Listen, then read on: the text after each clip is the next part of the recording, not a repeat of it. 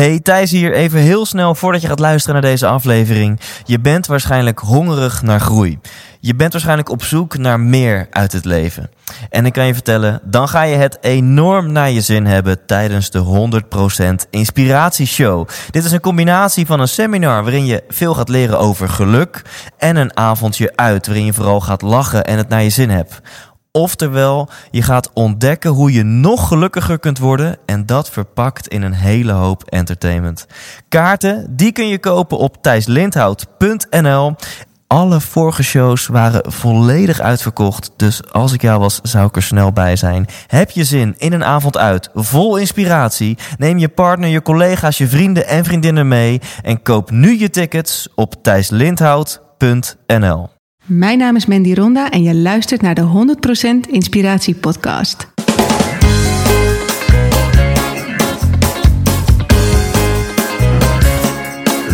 Hey, wat goed dat je luistert. Hij staat weer voor je klaar. Je wekelijkse dosis inspiratie is weer daar. De allerleukste gasten geven al hun kennis prijs. Met je veel te blije host, hij praat je bij. Zijn naam is Thijs. Thijs,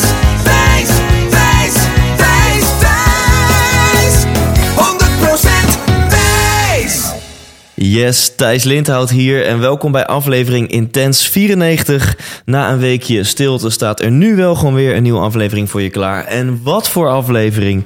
Ik heb Sexpert Mandy Ronda geïnterviewd. En ja, de titel Sexpert zegt het al. Mandy is expert op het gebied van seksualiteit. Zij is eh, spreker, dus zij geeft eh, masterclasses en eh, trainingen over seksualiteit. En zij is ook in te schakelen als coach. Dan kom je langs bij haar praktijk in Almere. Dat kan samen met je partner of dat kan alleen. Ja, en dat kan zijn om jouw seksleven.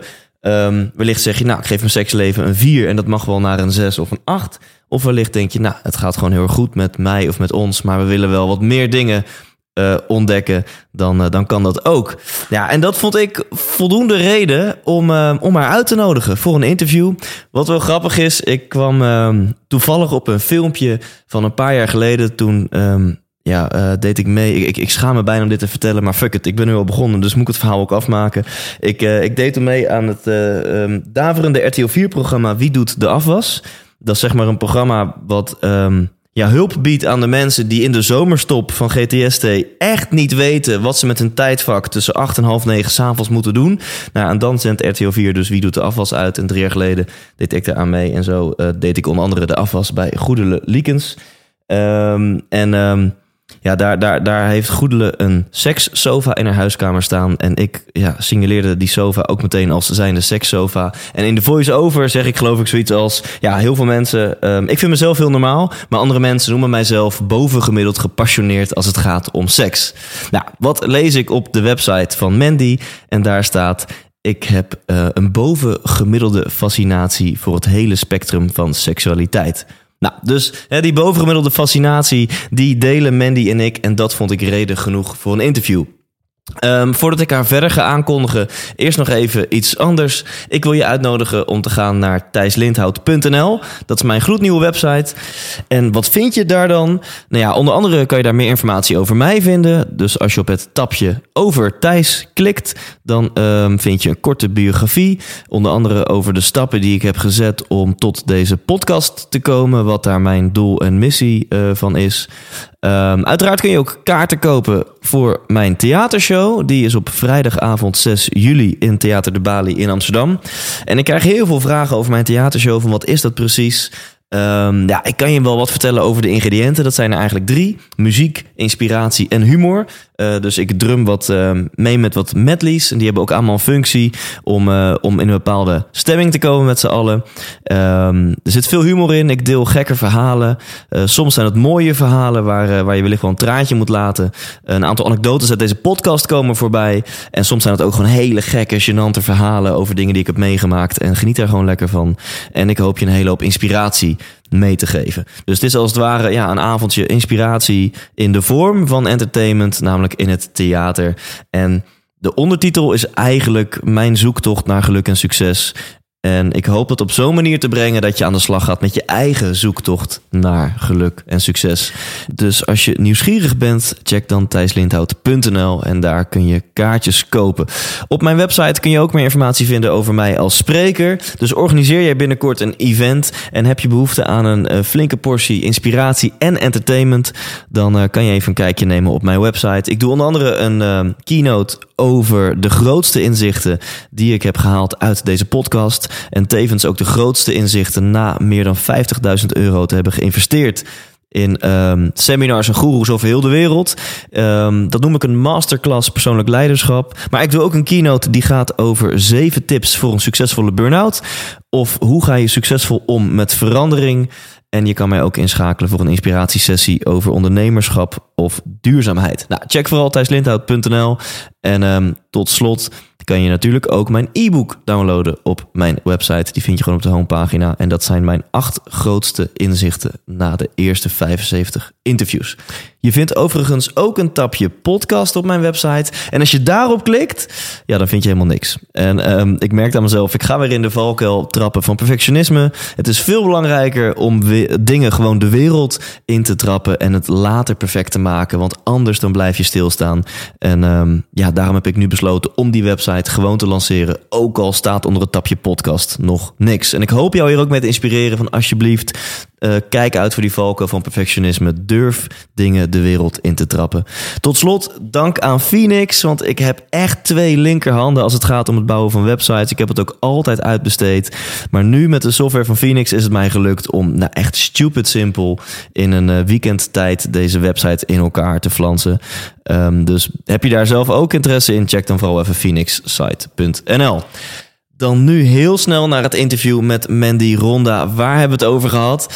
Ja, je kunt je beter afvragen waar hebben we het niet over gehad. Um, we gaan het hebben over liefde. We hebben het gehad over tantra. Uh, sterker nog, ze geeft een concrete tip hoe je met een investering van vijf minuutjes al samen met jouw partner een beetje kunt ontdekken wat tantra inhoudt. We hebben het gehad over jaloezie.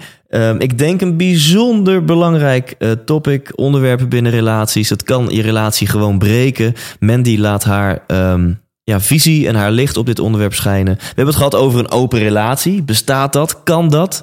Kan je op die manier gelukkig samen oud worden? We hebben het gehad over niet klaarkomen. En wat daar mogelijk de positieve gevolgen van zijn. We hebben het gehad over squirten. Um, we hebben het gehad over wat is nu het nummer één ding dat zeg maar ervoor zorgt dat stelletjes wellicht geen goed seksleven hebben? Of wat is het nummer één ding wat je seksleven een stuk beter zou kunnen maken? Ja, ze geeft nog wat concrete tips over speeltjes, over BDSM. Uh, nou, als ik het zo zeg, dan klinkt het bijna alsof het een podcast is geworden waarin we het alleen maar heel plat over seks hebben. Niets is minder waar. We hebben het heel uitgebreid over het thema intimiteit, seksualiteit. En dat ga je nu ontdekken. Hier is Mandy Ronda. 100% wijs! We zitten in mijn huiskamer, nou in mijn keuken eigenlijk. We kijken uit over het water. Mooi weer. Helaas zitten we eigenlijk al wel gewoon buiten moeten zitten, vind je niet? Ja. Voor dit interview. Kan je niet die hele installatie verplaatsen naar buiten? Uh, ja, dan gaan kinderen ook spelen en horen dat weer. Dus uh, Dat is het leven. moeten we maar hier gaan zitten. Ik heb een vraag um, aan jou, voor jou. En dat is, wat wil je worden als je later groot bent? Ah, ik wil Mandy worden als ik later groot ben. Ja, ik ben echt super happy met alles wat ik nu doe en, en, en beleef in het leven. Dus ik zou niet iets anders willen worden. Heel tof. Je wil Mandy worden. Ja. Neem ons mee. Wat, Ja. wat, wat, houdt het in, je wil Mandy worden? Wauw, ja, Mandy leeft een heel gevarieerd leven eigenlijk. En uh, gaat heel erg mee met wat, er, met wat er op de pad komt. Ik vind het heel leuk om, om kansen aan te nemen en, en op avontuur te gaan en te ontdekken. Het leven te proeven in al haar facetten. En um, ben je dan ook al veel op ontdekkingstocht gegaan naar wie Mandy is? Nou, ontzettend ja. Ja? Ja, wauw. Ik begon eigenlijk al op mijn vijftiende de grote existentiële vragen te stellen. Van nou, wie zijn we of wie ben ik? Uh, waar kom ik vandaan? Uh, zijn er anderen zoals ik? Uh, Ja. Wat heb ik hier te doen? Wat is de zin van het leven? Wat is de zin van het leven? Ja, dat stelde ik echt al in mijn tienerjaren. Dus ik was al heel jong echt op zoek naar wat is het leven? Wat houdt het in? Ja, en wil je daar misschien eens wat over vertellen? Want het is natuurlijk een vraag waar iedereen mee bezig is. Van, eh, wie ben ik? En ik zelf ben ervan overtuigd dat dat een essentieel onderdeel is van een gelukkig leven. Als je niet zo goed weet wie je zelf bent, dan kun je ook onmogelijk trouw gaan leven aan wie je echt bent. En dan, ja, voor je het weet, maak je keuzes en doe je dingen die je geen energie geven. Ja, ja. En dat maakt dan weer ongelukkig. Ehm zul je misschien eens wat vertellen over, over jouw zoektocht? Van, van ehm, wat heb jij gedaan om, om dichter bij jezelf te komen? Om er beter achter te komen. Wie ben ik? Wat zijn mijn passies? Wat wil ik wel? Wat wil ik niet? Ja. Ik denk dat het ook wel een beetje in je moet zitten. Een bepaalde nieuwsgierigheid naar jezelf en naar het leven, naar andere mensen. En ik ben altijd al heel erg nieuwsgierig geweest naar de psyche van de mens. Omdat ik heel gevoelig was voor, ja, voor, voor, voor energie, voor, voor andere mensen om me heen. En heel erg kon proeven van wauw, we zitten allemaal echt heel anders in elkaar eigenlijk. En we leven allemaal hetzelfde leven op dezelfde eh, aardkloot, Ja. maar, maar toch ook weer anders. Ehm, dus die nieuwsgierigheid die moet al wel een beetje in je zitten. Ja, en ik ben psychotherapie gaan studeren om eigenlijk de wereld, maar vooral ook mezelf beter te leren begrijpen. Ik weet nog heel goed eh, dat ik op een open dag was op het HBO in, eh, in 2005 of zo. Nee, 2005 ben ik afgestudeerd, 2000 zo'n beetje. En ehm, dat er gezegd werd van nou, op deze opleiding breken ze je en daarna lijmen ze je weer, maar dan beter. En toen dacht ik, wauw, vet, deze opleiding wil ik doen. Oké, cool. Ja. Dat, dat, dat vind ik bijzonder. Ik denk dat heel veel mensen ook zouden kunnen denken... nou, daar heb ik dus even geen zin in om eerst gebroken te worden. Ja, dat zou je denken. Ja. Ja, Ik vond het wel. Ja, ik vond het echt een uitdaging. Ik was 16 en ik wilde ook gewoon heel erg graag mezelf beter leren kennen. En, en ik wist ook al wel dat er bepaalde stukjes geheeld mochten worden, zodat ik eh, nog gelukkiger kon zijn in de toekomst. Ja, en nou, waar we het zo meteen uitgebreid over gaan hebben... je bent inmiddels sexpert, hè? spreek Ja. het zo uit? Of Ja, sexpert, ja. sexpert. Ehm, eh, zat dat toen al in je? Wist je toen al zoiets van... hé, hey, ik ben bovengemiddeld geïnteresseerd in, in seksualiteit? Dat zeg je echt perfect. Ja, dat is het Ja? eigenlijk wel, ja. Ik ben altijd wel heel erg geïnteresseerd geweest in seksualiteit. En, eh, en in mijn lichaam vooral eigenlijk. Dus ook nog los van, van seks of seksualiteit. Van ja, wat, wat kan ik allemaal met dit lichaam? En eh, hoe voelt alles? Hè? Wat ik al zei, ik ben dus altijd super sensitief geweest. Dus eh, dat vond ik altijd al heel erg fascinerend. En, en de psyche van de mensen ook. Is een beetje een combinatie van body-mind eigenlijk. Ja. Ehm, ja, en ik ben eerst die, die psyche gaan bestuderen, vier jaar lang het HBO. En, en daarnaast gewoon mijn eigen lichaam en seksualiteit. En, en ehm, ja, hoe ik relateer tot andere mensen, en met name mannen. Eh, daarna ben ik gaan reizen en toen ben ik sociaal-culturele antropologie gaan studeren aan de VU. En, eh, en gaandeweg ben ik me gaan specialiseren in seksualiteit en, en NLP ook nog trouwens. En alles ben ik gewoon samen gaan voegen. ja, tof. Ja. En ehm, hoe heeft zich dat geuit? Heeft zich dat onder andere geuit in dat jij zelf ontzettend bent gaan experimenteren? Nou, eigenlijk niet tot wat later. Al moet ik wel zeggen, ik was al wel heel jong bezig met experimenteren. Ik had bijvoorbeeld mijn eerste trio nog voordat ik voor het eerst seks had. En, eh, en daar Maar, zat, maar, maar een trio is ook seks, toch? Eh, nou ja dat, ja, dat is wel zo inderdaad. Maar toch verstaan we tegenwoordig nog steeds hè, penetratie, echt de daad tot seks. Oh ja. ja. En, en dat was er geen onderdeel van, maar wel het, het, het samen zijn met z'n drieën. En, en het, het voelen en het elkaar ontdekken. En ja, dat vond ik al, al heel jong heel fascinerend. En dat was met twee, eh, eh, twee vrouwen en één met man? een stel. Met een stel. Ja, ja. Dat is wel bijzonder. Hoe, hoe oud was je toen? Als je, wil je dat delen? ja, toen was ik 15. Wauw. Ja, ja. Ja, en volgens mij had ik ook mijn eerste toy zelfs besteld op mijn vijftiende. Toen eh, was ik bevriend met een wat ouder stel. Die waren seksueel natuurlijk een heel stuk verder. En die gingen toys voor zichzelf bestellen. En, eh, en die zeiden van, nou, we hè, kunnen we ook iets voor jou bestellen? Vind je dat leuk? Toen dacht ik, oh, wat spannend. Ja, Ja, doe ja. maar. Ja, En dat is een ouder stel, denk ik dan. ja, ja. Ja. Ja, jij zag het wel zitten.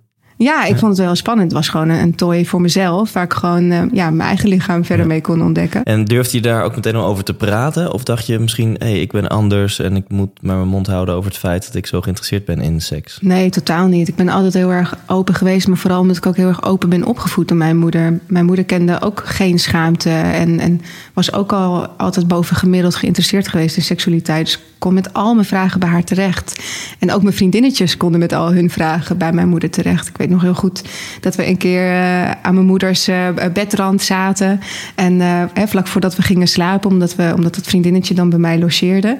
En, en dat dat vriendinnetje dan ook allemaal vragen stelde aan moeder. Van, ja, maar wat is het orgasme dan? Wat is dat? En, ja, dus het was gewoon heel relaxed om daar thuis over te kunnen praten. Dus ik heb daar nooit moeite mee gehad. En toen ben je gaan studeren, je bent gaan reizen. Ja. Ehm, uiteindelijk heb je een baan gevormd voor jezelf. Dus eh, kun je eens vertellen hoe dat, hoe dat gelopen is? Want ik vind het een heel mooi voorbeeld eh, van hoe je van ja, iets wat je leuk vindt, hoe je van je hobby je werk kan maken, zeg maar. Ja, ja, het is grappig dat je het een baan noemt, want zo ervaar ik het Nou ja, totaal exactly. niet. Ja. ja. Ja, hoe dat zo is gegaan? Ja, dus, dus na jouw opleidingen en je bent gaan reizen. En Ja. ja. dan komt een moment dat je, dat je geld wil slash moet gaan verdienen. En op dit moment doe je dat volledig met het zijn van sexpert op verschillende gebieden. Zeg Ja, maar. Daar ja. gaan we natuurlijk zo ook over hebben. Maar hoe is dat in, in het begin ontstaan? Ja, het ging helemaal niet om geld verdienen eigenlijk. Ik eh, studeerde in 2009, of nee, 2010 af aan de VU. Ehm, en toen was er een optie, omdat ik had die zomer had ik een eh, man ontmoet, een wat oudere man eh, met al een zoontje uit Engeland, een uh, biodanza-leraar. En de keuze was ofwel ehm, gaan helpen op, vrijwillig op een, een ecologische boerderij ergens in Brabant. Want ik wilde gewoon een heel tof project gaan doen rondom ecologie.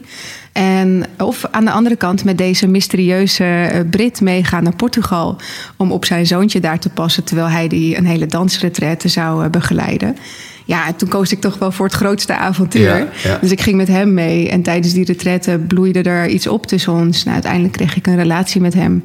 En hij reisde uh, door heel Europa om, uh, om al die dansretretes en lessen te geven.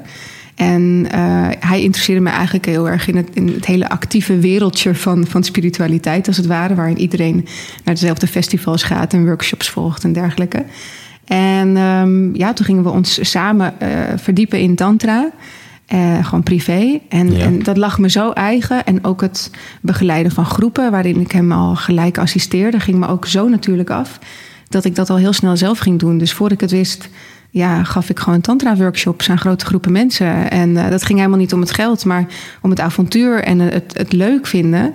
En ik woonde toen de tijd zelfs nog anti-kraken, geen vervoersmiddel. En ik kon gewoon supergoed budgetair leven. Dus het, het, ging echt helemaal niet om hier mijn werk van maken. Ik deed gewoon echt wat ik leuk vond. Ja. Dus wat, wat ik hier een beetje in hoor, is je doet wat je leuk vindt en toen rolde je er gewoon in. Ja. Is dat dan iets wat je iedereen kan adviseren? Of denk je van, nou ja, misschien heb ik ook wel een beetje geluk gehad dat dit zo relatief makkelijk ging. Dat ik ineens tantra-workshops gaf en daar mijn geld mee kon verdienen. Ja, ik denk wel dat het belangrijk is dat je voelt wat je echt ligt. Ja, dus je kan ergens voor studeren en daar heel bewust voor kiezen om daar een carrière van te maken. En dat gaat heel veel mensen natuurlijk ook heel goed af. En, en andere mensen lukt het beter om, uh, ja, om je gevoel echt te volgen. En te kijken wat er gewoon op je pad komt als je dat doet. En ja, en ja te zeggen tegen wat zich aandient. Ja, ja. En um, ja, je noemt een tantra, laat het daar meteen maar over hebben. Want we hadden het net ook eventjes over van tevoren. Um, we kunnen nu meteen de, het, het gaan hebben over tantra, maar de een denkt dan over iets heel anders dan de ander. Dus Ja. misschien moeten we eens beginnen met wat is tantra? Want bijvoorbeeld ik en misschien vele mensen met mij, als ik denk aan tantra, dan zie ik voor me dat twee mensen uh, in kleermakers zitten, op een kleedje tegenover elkaar zitten. En dan uh, acht uur lang naar elkaar gaan kijken en op die manier een uh, hoogtepunt bereiken. Ja, ja, zonder aanraking, hè? Ja, zonder aanraking, ja. Ja, of wel tien uh, hoogtepunten achter Ja, elkaar. ja precies. En, dus, dus neem ons eens mee. Wat, wat is tantra eigenlijk? Ja, het is in de basis een duizenden jaren oude Indiase levensfilosofie. Mhm. En ook wel een levensstijl. Uh, die veel meer gaat over zingeving en uh, spirituele groei, ontwikkeling, ja. dan over seks. Um, en, en, seks is daar wel een heel klein onderdeel van, maar dan niet zozeer seks, maar seksualiteit, seksuele energie. En dat is natuurlijk iets heel anders dan, dan seks. Dan heb je het veel meer over seksuele handelingen, de daad, activiteit, zeg maar. En zij geloven heel erg dat seksuele energie de basis is van wie we zijn. Is ook niet zo heel erg gek als je bedenkt dat we er letterlijk van gemaakt zijn. In ieder geval door het orgasme van je vader uh, uh, ben je ter wereld gekomen. Ik heb er nog nooit zo over nagedacht. Je bent van gemaakt, ja, ja nee, letterlijk. Ik heb wel eens over, wel eens over nagedacht dat ik natuurlijk uit mijn vader kom. Maar het orgasme van mijn vader heeft ja. geleid tot mij. Ja, ik, weet ja, niet heel, ik, ik, ik, weet niet of ik dat een hele prettige gedachte vind. In ieder geval, ik ben visueel ingesteld, dus dat is... Uh, ja. ja. Maar sorry, ga verder. Ja, maar ja, dat is toch hoe het is natuurlijk. Ja. Dus je kan je voorstellen hoe krachtig die seksuele energie is. Je kan er natuurlijk zelf ook gewoon nieuw leven mee maken. Dus um, die tantristen die geloven dat je door het bewust gebruiken of toepassen van die seksuele energie heel veel heling en vitaliteit kunt bereiken. En zelfs uh, enlightenment, gewoon verlichting. Dus in tegenstelling tot andere religies en spirituele tradities, die er vaak van uitgaan dat je meerdere levens moet reïncarneren. om uiteindelijk wellicht ooit de staat van verlichting te bereiken en mm -hmm. er dan te zijn. Uh, gaat Tantra ervan uit dat je door het gebruiken van seksuele energie momenten van verlichting gewoon in dit leven ook al kunt hebben. Het woord zelf betekent eigenlijk verbinden of ver, verweven met. Ja. En um, ja, in de jaren zeventig heeft, heeft Osho en, en zijn beweging van de Bhagwan uh, dat heel erg naar de Verenigde Staten overgebracht eigenlijk, die hele Mhm. beweging. En van daaruit kwam het ook naar Europa in de jaren zeventig en uh, die hele New Age beweging. En dat heeft eigenlijk de laatste jaren heel erg weer een opleving. En ja, in het Westen vinden we het stukje seksualiteit het meest interessant. Dus als we het in het Westen hebben over tantra, gaat het meestal over seksuele tantra. Ja. Maar de, de traditionele tantra gaat eigenlijk veel meer over spiritualiteit en meditatie en bezinning. Een bepaalde vorm van yoga. Zou je kunnen zeggen dat tantra is wanneer je seks en spiritualiteit in een blender doet? Ja, je zou eigenlijk, als je het heel basic wil zeggen, van ja, tantra is seks vanuit je hart. Ja, in verbinding. Ja. En dat voorbeeld wat, ik net noemde, is dat dan tantra? Hè, tegenover elkaar zitten en op die manier seksuele energie uitwisselen. En, eh, Ja, zo zou tantra er wel uit kunnen zien. Ja. Tantra is niet iets wat je een keer probeert of een keer doet. Ik vind het altijd super grappig als mensen zeggen van... oh ja, ik, wilde, ik wil ook een keer tantra doen of zo. Ja, het, het is iets anders als ik wil gewoon een keer eh, gaan skiën of zo. Ja, dan dan, ja. weet je, dit is het. Maar bij tantra is dat iets anders. Ja, het is een beweging eigenlijk. Hè. Het is een, of een pad, laat ik het zo zeggen. En, ehm, en, en wat je net schetst, ja, dat is wel hoe het er een beetje uit zou kunnen zien. Maar dat hoeft natuurlijk helemaal niet. Het kan ook gewoon, eh, je kan ook lekker liggen in bed en vanuit bewustzijn eh, seks hebben met jezelf of met een bedpartner. Ja. Zonder dat je daarbij in de kleermaker zit, eh, zit en een, eh, op een meditatiekussentje. Ja, Ja, wat sowieso voor mannen zeer oncomfortabel is. ja vaak wel, ja. En dan zit je op twee kussentjes, dan zit je wat hoger. Hey, en dan wat misschien wel leuk is voor mijn luisteraars, kan je dan ehm, een soort van concreet voorbeeld geven. Stel mensen luisteren en denken, nou ja, ik wil wel een keer gewoon een, een kennis, ma- kennis maken met tantra samen met mijn partner. Heb je een soort van oefening voor ons paraat dat je zegt, nou je zou dit vanavond eens een keertje kunnen proberen? Ja.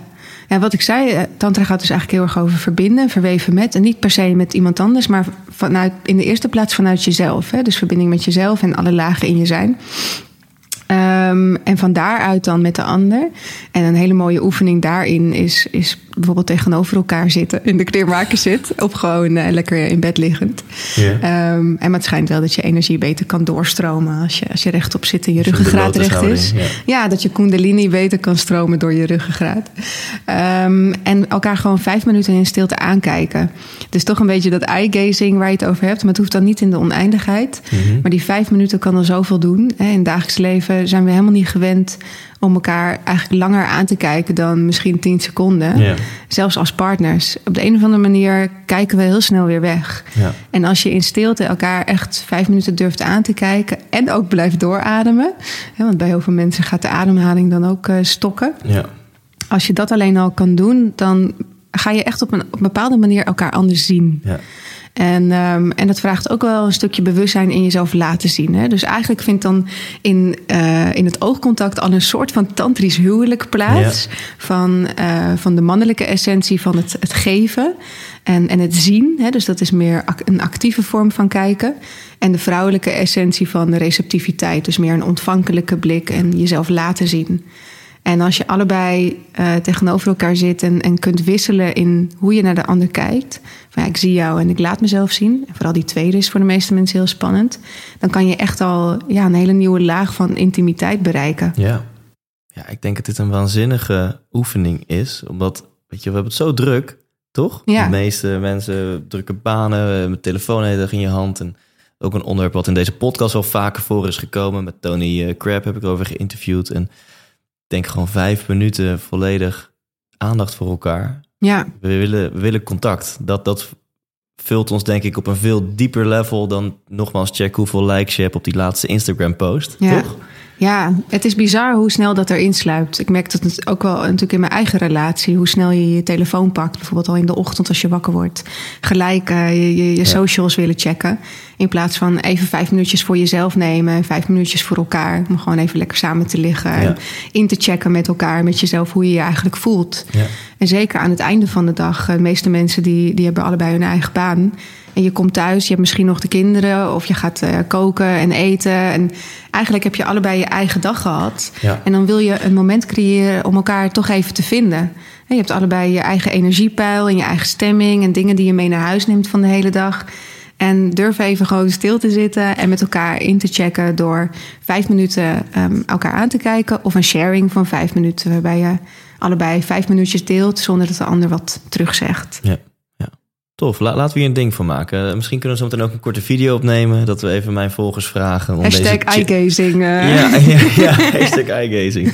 Om deze challenge aan te gaan en ervaringen te delen. Ja, ik denk dat wel tof is. Ik denk los van de, het contact dat je met je partner maakt... dat het alleen al gewoon om in, op vijf minuutjes op je dag gewoon te zijn... ja. dat dat al heel waardevol is. Ja, het is ook heel spannend. Hè? Want veel mensen zijn ook bang om, om in meditatie, al is het vijf minuutjes, iets tegen te komen in hunzelf. Waar ze, ja, wat ze helemaal niet willen voelen. Iets naars of Ja. zo. Iets wat niet prettig voelt. Ik was op een event en dat heette eh, van de One World Academy. eh, van Ananda Giri. Ik heb hem ook geïnterviewd voor mijn podcast. En ehm, nou, dat was een seminar, ik had het nog nooit meegemaakt. Want ik ben gewend tijdens seminars dat je met je notitieblokje in een eh, goedkoop klapstoeltje zit. en bij dit event zat je dus inderdaad in de kleermaker zit. eh 48 uur lang, zo'n beetje. En ehm, toen moesten we ook een oefening doen. Je moest een buddy uitkiezen en ik kreeg een buddy. En toen zei hij, nou, ga nu tegenover elkaar staan. En dan ga je elkaar nu 10 minuten aanstaren. En toen was ik, ik, ik schrok me helemaal de tering. Ik was, eh, zo, sorry, wat? Wie? Hoe? Wat? Ja. Ja, en dan stond ik dan met een wildvreemde vrouw. En eh, elkaar 10 minuten gewoon aankijken. Ja. Toen precies al die emoties die net omschreef... die gingen echt door me heen. Van ongemak en ik wil hier weg en ik vind het eng. En oké, durf ik het wel? En Ja.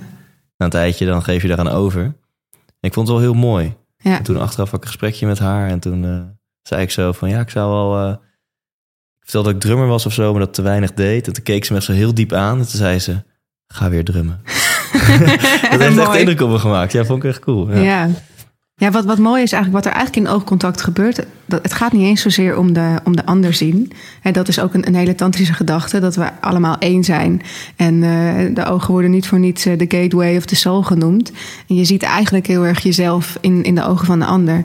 Dus door een ander aan te kijken, krijg je gek genoeg eigenlijk juist meer contact vaak met jezelf. Ja. Hè, zoals jij al aangeeft, van ik werd me eigenlijk bewust, eh, simpelweg door haar aan te kijken, van hoe, hoe weinig ik bezig ben met mijn grote passie. Ja. Of hoe meer ik bezig zou willen zijn met mijn passie. Tof. En eh, ik wil je nog iets intelligents over zeggen. nou, ben ik kwijt.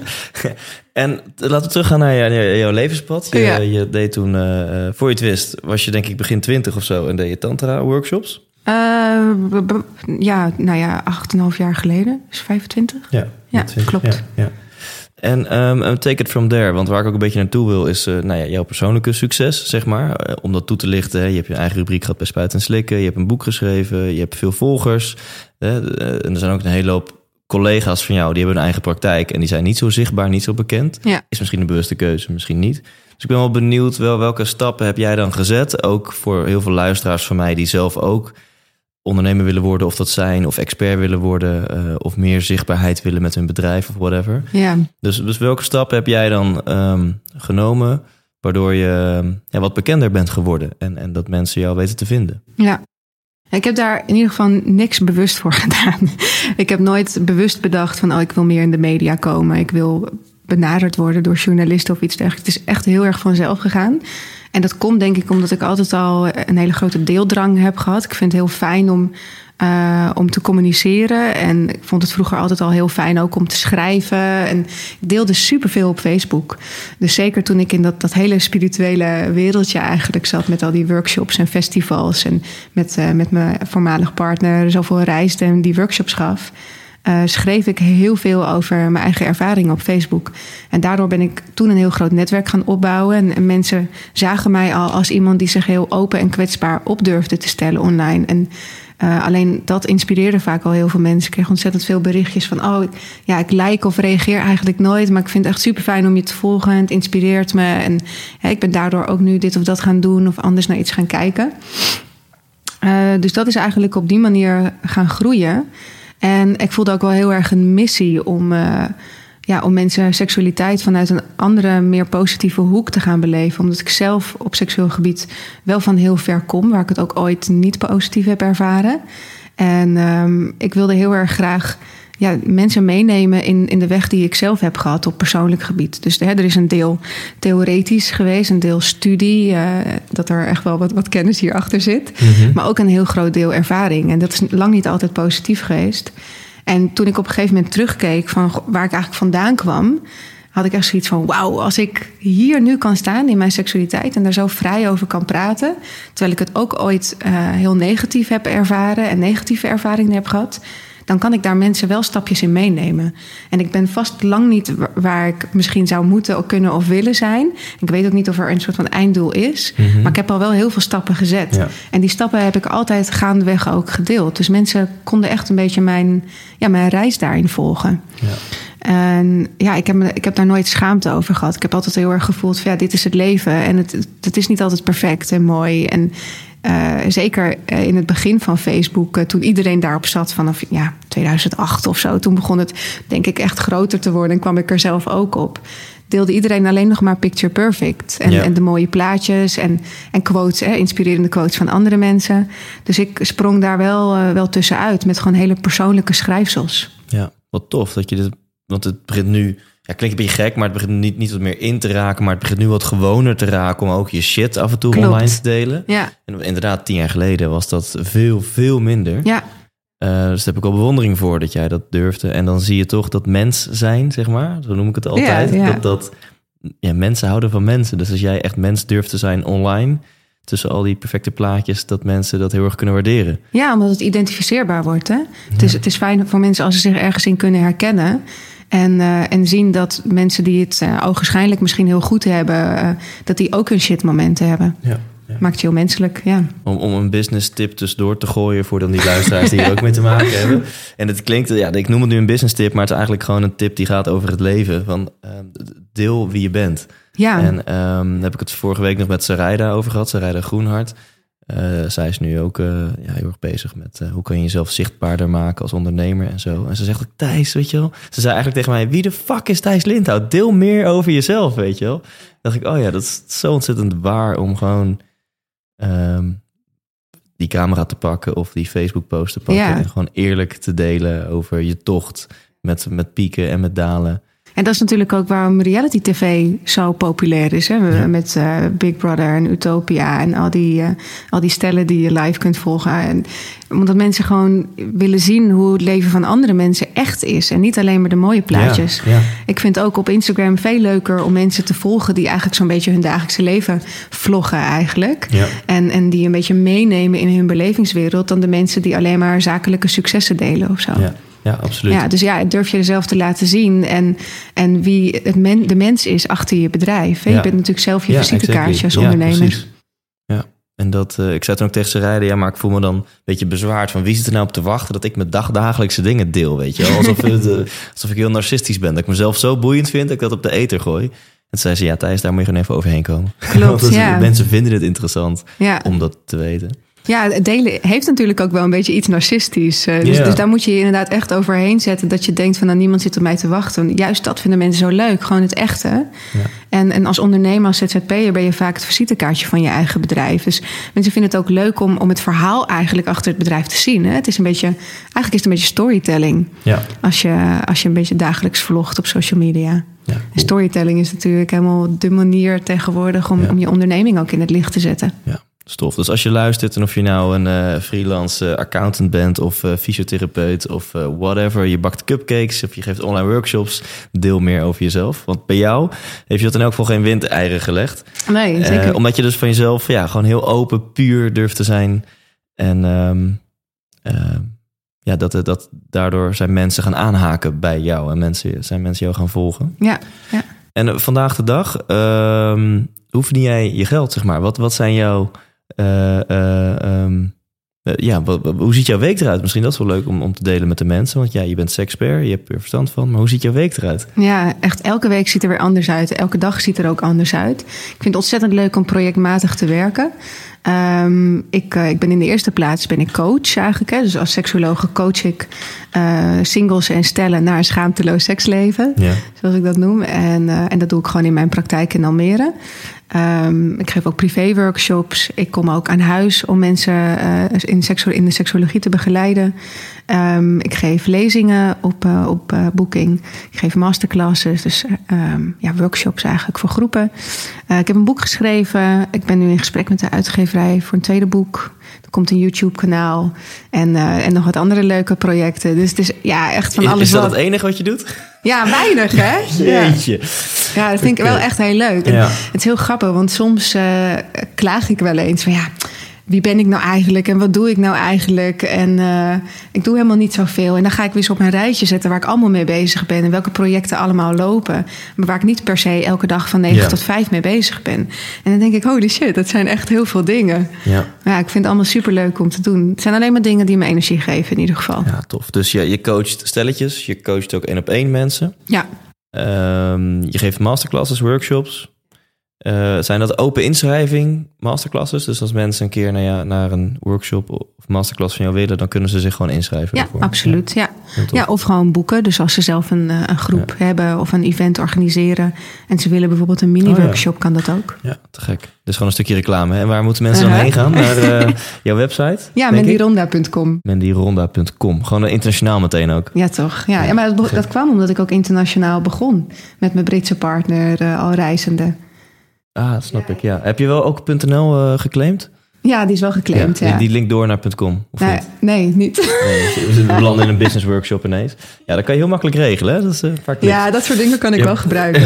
Inhoudelijk vind ik mijn werk heel leuk, maar de technische kant is niet mijn grootste kwaliteit. Nee, maar dat is ook gewoon tof om dus te delen. Dat is, dat is dus blijkbaar helemaal niet nodig. Want je zei net ook al van, nou nee. Thijs, die website, eh, die, die kan in principe beter. Ja, nou echt. Eh, ehm, maar het, het werkt blijkbaar. ja. Eh, en we gaan echt van hot naar her in dit interview. Maar fuck it, dat, dat is gewoon leuk. Want ik zie hier een filmpje staan van Jungle Reporter. Dat is een vrouw die is bij jou langsgekomen. Die heeft daar een vlog van gemaakt. ja. En ik heb het filmpje toevallig gezien. En ehm, ergens aan het einde van dat filmpje doe je een oefening met haar. En, en ik weet niet precies wat je met haar hebt gedaan, maar in een paar minuten opent zij volgens mij weer de ogen en, het, en, en ze wil gewoon piemel. Ze heeft zoiets van, oké, ik wil genomen worden. Ja, ja, ja, inderdaad, dat zei ze, ja. V- vertel, wat, is- Ja, wat, wat, wat was de context daarvan en wat heb je met haar gedaan? Ja, Eh, dit is een, een vrouw die ehm, heel erg op, op ontdekkingsreis is. Op, ja, op zoektocht naar haar eigen vrouwelijkheid en haar seksualiteit. En, en dat ook heel erg deelt met de wereld, die zoektocht. Ehm, en zij wilde gewoon heel erg graag ja, meer durven te openen. En ehm, ik heb een oefening met haar gedaan... eh, waarbij je eigenlijk een beetje de drie tantrische pilaren gebruikt... van beweging, ademhaling en geluid. Als je beseft dat je, wanneer je eh, eh, seks hebt... dat je ook eigenlijk beweging, geluid en ademhaling van nature al in zit. Hè. Je gaat kronkelen en bewegen en kreunen en hijgen... en je ademhaling gaat hoger zitten. Dus dat gaat allemaal al van nature. Maar als je die drie pijlers vooraf, zonder dat je gewoon seksueel bezig bent, inzet, kun je die seksuele energie al heel erg goed opwekken. Dus ik heb een oefening met haar gedaan waarbij ik die drie combineer. eh, en, en haar met haar heupen laat cirkelen. Om haar in haar bekkengebied, eh, ja, letterlijk en figuurlijk eigenlijk meer te openen. Waardoor energie gewoon beter kan gaan stromen. Ja. En daardoor raakt ze ook zo emotioneel. Omdat er een bepaalde remming, een bepaalde blokkade Ja. van haar afvalt. Dus als je seks hebt, hè, dan ga je anders bewegen, ga je anders geluid maken. Ja, Eh, en je noemt het drie, bewegen, geluid en... ademhaling. En, ja, en ga je anders ademhalen. En als je die drie, zonder dat je op dit moment per se seks aan het hebben bent of geil bent of whatever, als je die drie dingen al gaat doen, ja, dan zou het zomaar eens kunnen zijn dat het andersom werkt. Dat Ja. je door die dingen op te roepen, dat dan zeg maar de, de, de, de gewilligheid er gratis achteraan komt. Ja, dus dat zijn, dat zijn ook een beetje de drie pilaren die je dan eigenlijk veel terug ziet komen in Tantra. Ja. In Tantra workshop zou ik moeten zeggen. Ja. ja, wil niet zeggen dat je dan dus thuis in bed gewoon helemaal als een wild beest in bed moet gaan bewegen om die seksuele energie op te werken. Ja. Dat, dat kan je ook op je meditatiekussentje gewoon met je kleding aan bijvoorbeeld doen. eh. En het gaat meer over seksuele energie en, en de vitaliteit die daar eigenlijk in zitten. De, gewoon de, de fijne, ja, het fijne gevoel en de energie. eh, dan, dan echt geil worden of zo. Ja. Dat, dat zijn wel twee verschillende dingen. En hoe, hoe lang duurde deze oefening die je met haar hebt gedaan? Nou, vijf minuutjes. Vijf minuutjes. Wauw. Ja, Nou ja, je zegt geil worden is niet per se dat dat de bedoeling daarvan is, maar volgens mij was zij aardig eh, geil na de oefening. ja, het is maar net hoe je geil interpreteert natuurlijk. Maar als zij zegt van, oh, ik, ik wil gewoon een piemel me, ik wil, me nu, ik wil nu gewoon genomen worden. Dan, dan lees ik dat bij haar of interpreteer ik dat haar, bij haar meer als een gevoel van echt van openheid. Ja. En ontvankelijkheid en van, oh, ik wil gewoon eigenlijk door het leven gepenetreerd worden. Ik wil gewoon het gevoel van, ja, gevuld zijn. Ja. Het klinkt eigenlijk heel zweverig misschien wel. nee, hè? Maar, heerlijk, heerlijk. lekker hè? En ehm, ja, ik heb zoveel vragen. Ik heb zoveel vragen. Ja, want jij maakt heel veel stelletjes mee bij jou in de praktijk. Hm. Stelletjes die misschien problemen hebben met seks. Of stelletjes die gewoon een lekker seksleven hebben, maar die zijn nieuwsgierig naar meer. Ja. Ehm, ja, waar moet ik beginnen? La- laten we gewoon eens beginnen bij misschien het, het probleem. Van, zie jij in, in stelletjes gemiddeld genomen in Nederland een bepaald probleem als het gaat om de slaapkamer? Zie je dat ze misschien te weinig het met elkaar doen, of dat ze het misschien vaak te verkeerd doen, of elkaar niet goed interpreteren? Ja. Dus ik schiet hier maar wat dingen. Maar is er een, is er een bepaald eh, collectief probleem onder de stelletjes in Nederland? Ja, sowieso zie ik, als ondernemer zie ik nooit een probleem. Ik zie alleen maar een uitdaging. Ja. Maar als ondernemer moet je je wel richten vaak op problemen. Ja. En eh, ik denk het grootste probleem is dat we gewoon te weinig praten in de basis. Hè? Dat. Te weinig communiceren over wensen en grenzen, over verlangens en voorkeuren. Ehm, dus dat is probleem nummer één. En wat ik vaak zie in de praktijk is dat er een verschil in, in seksueel verlangen en, en verschil in seksuele voorkeuren is tussen, tussen mensen in een stel.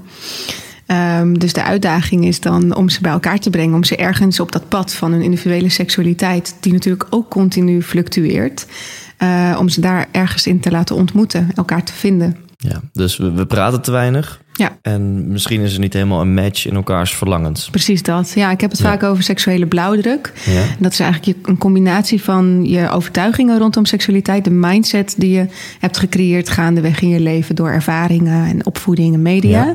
Ehm, gecombineerd met, ja, met, met je seksuele voorkeuren, verlangens, fantasieën. Ja. En dat, dat vormt jouw, jouw unieke seksuele blauwdruk. Ja. En als individu fluctueer je natuurlijk enorm. En dan heb je twee individuen bij elkaar, die ook nog eens een soort van derde entiteit Mhm. creëren Ja. in hun relatie.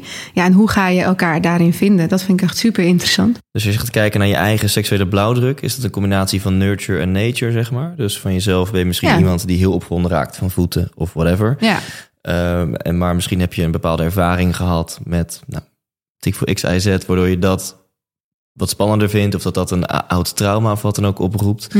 En dat, dat, bij elkaar hoor ik jou zeggen. Hè? Dus je ervaringen en je voorkeuren, dat vormt jouw seksuele blauwdruk. Ehm, ja je, niet zozeer ervaringen en voorkeuren, maar meer je, eh, je ervaringen en je opvoeding. Dus echt gewoon, het gaat echt over gedachten, je mindset. Hoe je denkt over seks. Eh, wat, je, wat je niet vindt kunnen en wat wel kan. Oh, hè, ja. Dat soort dingen. Hoeveel schaamte, taboe, schuld of angst je hebt rond seksualiteit. En overigens bijvoorbeeld hè, een voetfetish. Dat eh eh, fetishen hebben vaak veel meer te maken met, ehm, met bepaalde ervaringen inderdaad... die je dan verankert met een seksueel gevoel. Dus meestal zit, zit een fetish niet van nature al, eh, al in je. Dat, dat, dat, is, dat is meestal toch wel nurture en niet zozeer en, en nature. hoe, ja. hoe, hoe kan dat dan, eh, bijvoorbeeld die voetfetish, eh, Ja. hoe- dat zit niet per se in je, dat is ontstaan. Hoe, hoe, hoe ontstaat zoiets dan? Ja, de meeste fetishen ontstaan door een, een ervaring in de jeugd. Ja? Positief of negatief, die gecombineerd gaat met een, met een seksuele prikkeling.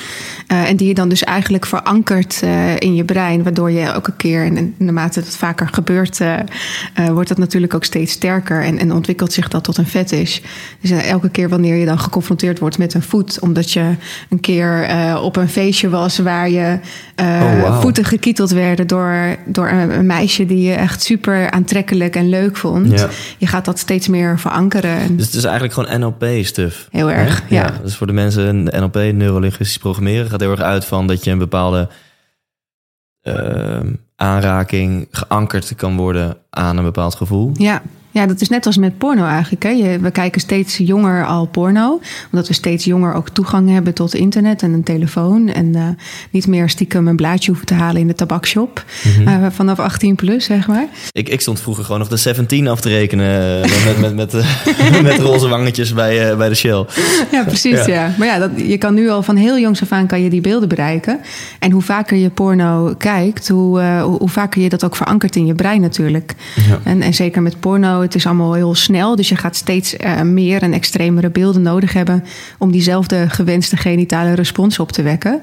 Dus eh, je verankert dat inderdaad. Ik vind een ballonfetish vind ik daar vooral een heel mooi voorbeeld van. Ik ken iemand die eh, ja, op een feestje was waar allemaal ballonnen kapot werden geprikt. En echt gewoon heel veel ballonnen waren.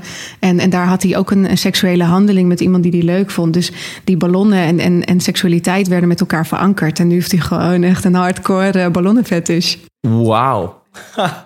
Jeetje, dus als je, als je bij hem in de buurt een ballon opblaast, dan wordt hij helemaal gek. Ja. Nee! ja. Wauw. ja. En, en hoe ontstaan dan echt extreme fetishen, weet je? Ik bedoel, we hebben natuurlijk een hele hoop extreme slash eh ranzige, of ja, dat is dan weer mijn waardeoordeel, Ja, ja, precies. fetishen. Eh, hoe ontstaat dat dan? Ehm, ja, ik heb inderdaad wat je zegt. Van, ik, ik heb eigenlijk geen oordeel over fetishen. Zolang we de wet uh, er niet bij schaden en Mhm. het allemaal in consent gaat tussen volwassenen, dan eh, vind ik alles gewoon helemaal oké en helemaal niks raar. En ja, er bestaat wel een idee over dat de, de meer hardcore fetishen, dat dat vast een oorsprong heeft in, in jeugdtrauma. Ehm, dat kan, maar dat hoeft niet. eh, er is geen lineair verband of zo. En er zijn wel heel veel onderzoeken naar gedaan. En je ziet juist dat eh, vooral mensen bijvoorbeeld die BDSM beoefenen vaak eh, bovengemiddeld intelligent zijn. En helemaal niet vaker seksueel trauma hebben meegemaakt Ja. in de jeugd dan, dan niet-BDSM-beoefenaars. En eh, even toelichting op BDSM. Voor het geval mensen... eh, Ja, BDSM is eigenlijk een, eh, een, een synchroniem, of een acroniem, sorry, voor eh, bondage en discipline, dominantie en, en submissie en eh, sadisme en masochisme. Dus onder het concept BDSM valt echt ontzettend veel, Ja. nog veel meer dan de Fifty Shades, zeg maar. Ja, ja, ja. En over het algemeen zijn ehm hoger opgeleide of, of intelligente mensen... Ja. die zijn meer into BDSM dan... eh, Ja, statistisch Ja. gezien wel, ja. En, en BDSM is ook niet eh, iets wat je gewoon eventjes een keer doet of zo. Dat is ook wel echt iets wat, wat heel veel ehm, zelfinzicht vraagt. Om, omdat je heel duidelijk moet hebben wat je eigen grenzen zijn. En die heel duidelijk moet kunnen communiceren. Ja. Ehm, ja, dus, dat, dus dat zie je vaker dat dat, dat, dat gebeurt bij een bovengemiddeld Nou, intelligente wil ik ook mensen. wel een tip uit destilleren. Daarna gaan we weer terug naar de blauwdruk en stelletjes. Om het nog enigszins gestructureerd te houden. Ehm, eh, dus nou, we hebben net al een tip gegeven over tantra. Als mensen denken, nou, dat wil ik gaan proberen. Dus vanavond zit half Nederland kaarsjes eyegazen. aan, eh, kinderen naar bed. En, Keihard eyegazen. Precies. Ehm, en als mensen zeggen, nou, dat BDSM wil ik wel een keer. Dus stel, eh, de mensen willen gewoon een keer experimenteren met, met Ja. iets, iets in de richting van BDSM. Ja. Eh, kan je een soort van instaptip geven? hè? Ja. Van, nou, je zou hier eens mee kunnen beginnen. Nou, je zou natuurlijk kunnen beginnen met mijn BDSM-workshop voor beginners. Ja, ja. Eh, dat is een hele leuke instapmethode. Eh, en anders, kijk gewoon wat je al in huis hebt. Eh, wat je kan gebruiken. Een pollepel. Bijvoorbeeld, inderdaad. Ja, of een borstel, wasknijpers, Mhm. zijden sjaaltjes, stropdassen, panties... om elkaar vast te binden of te blinddoeken.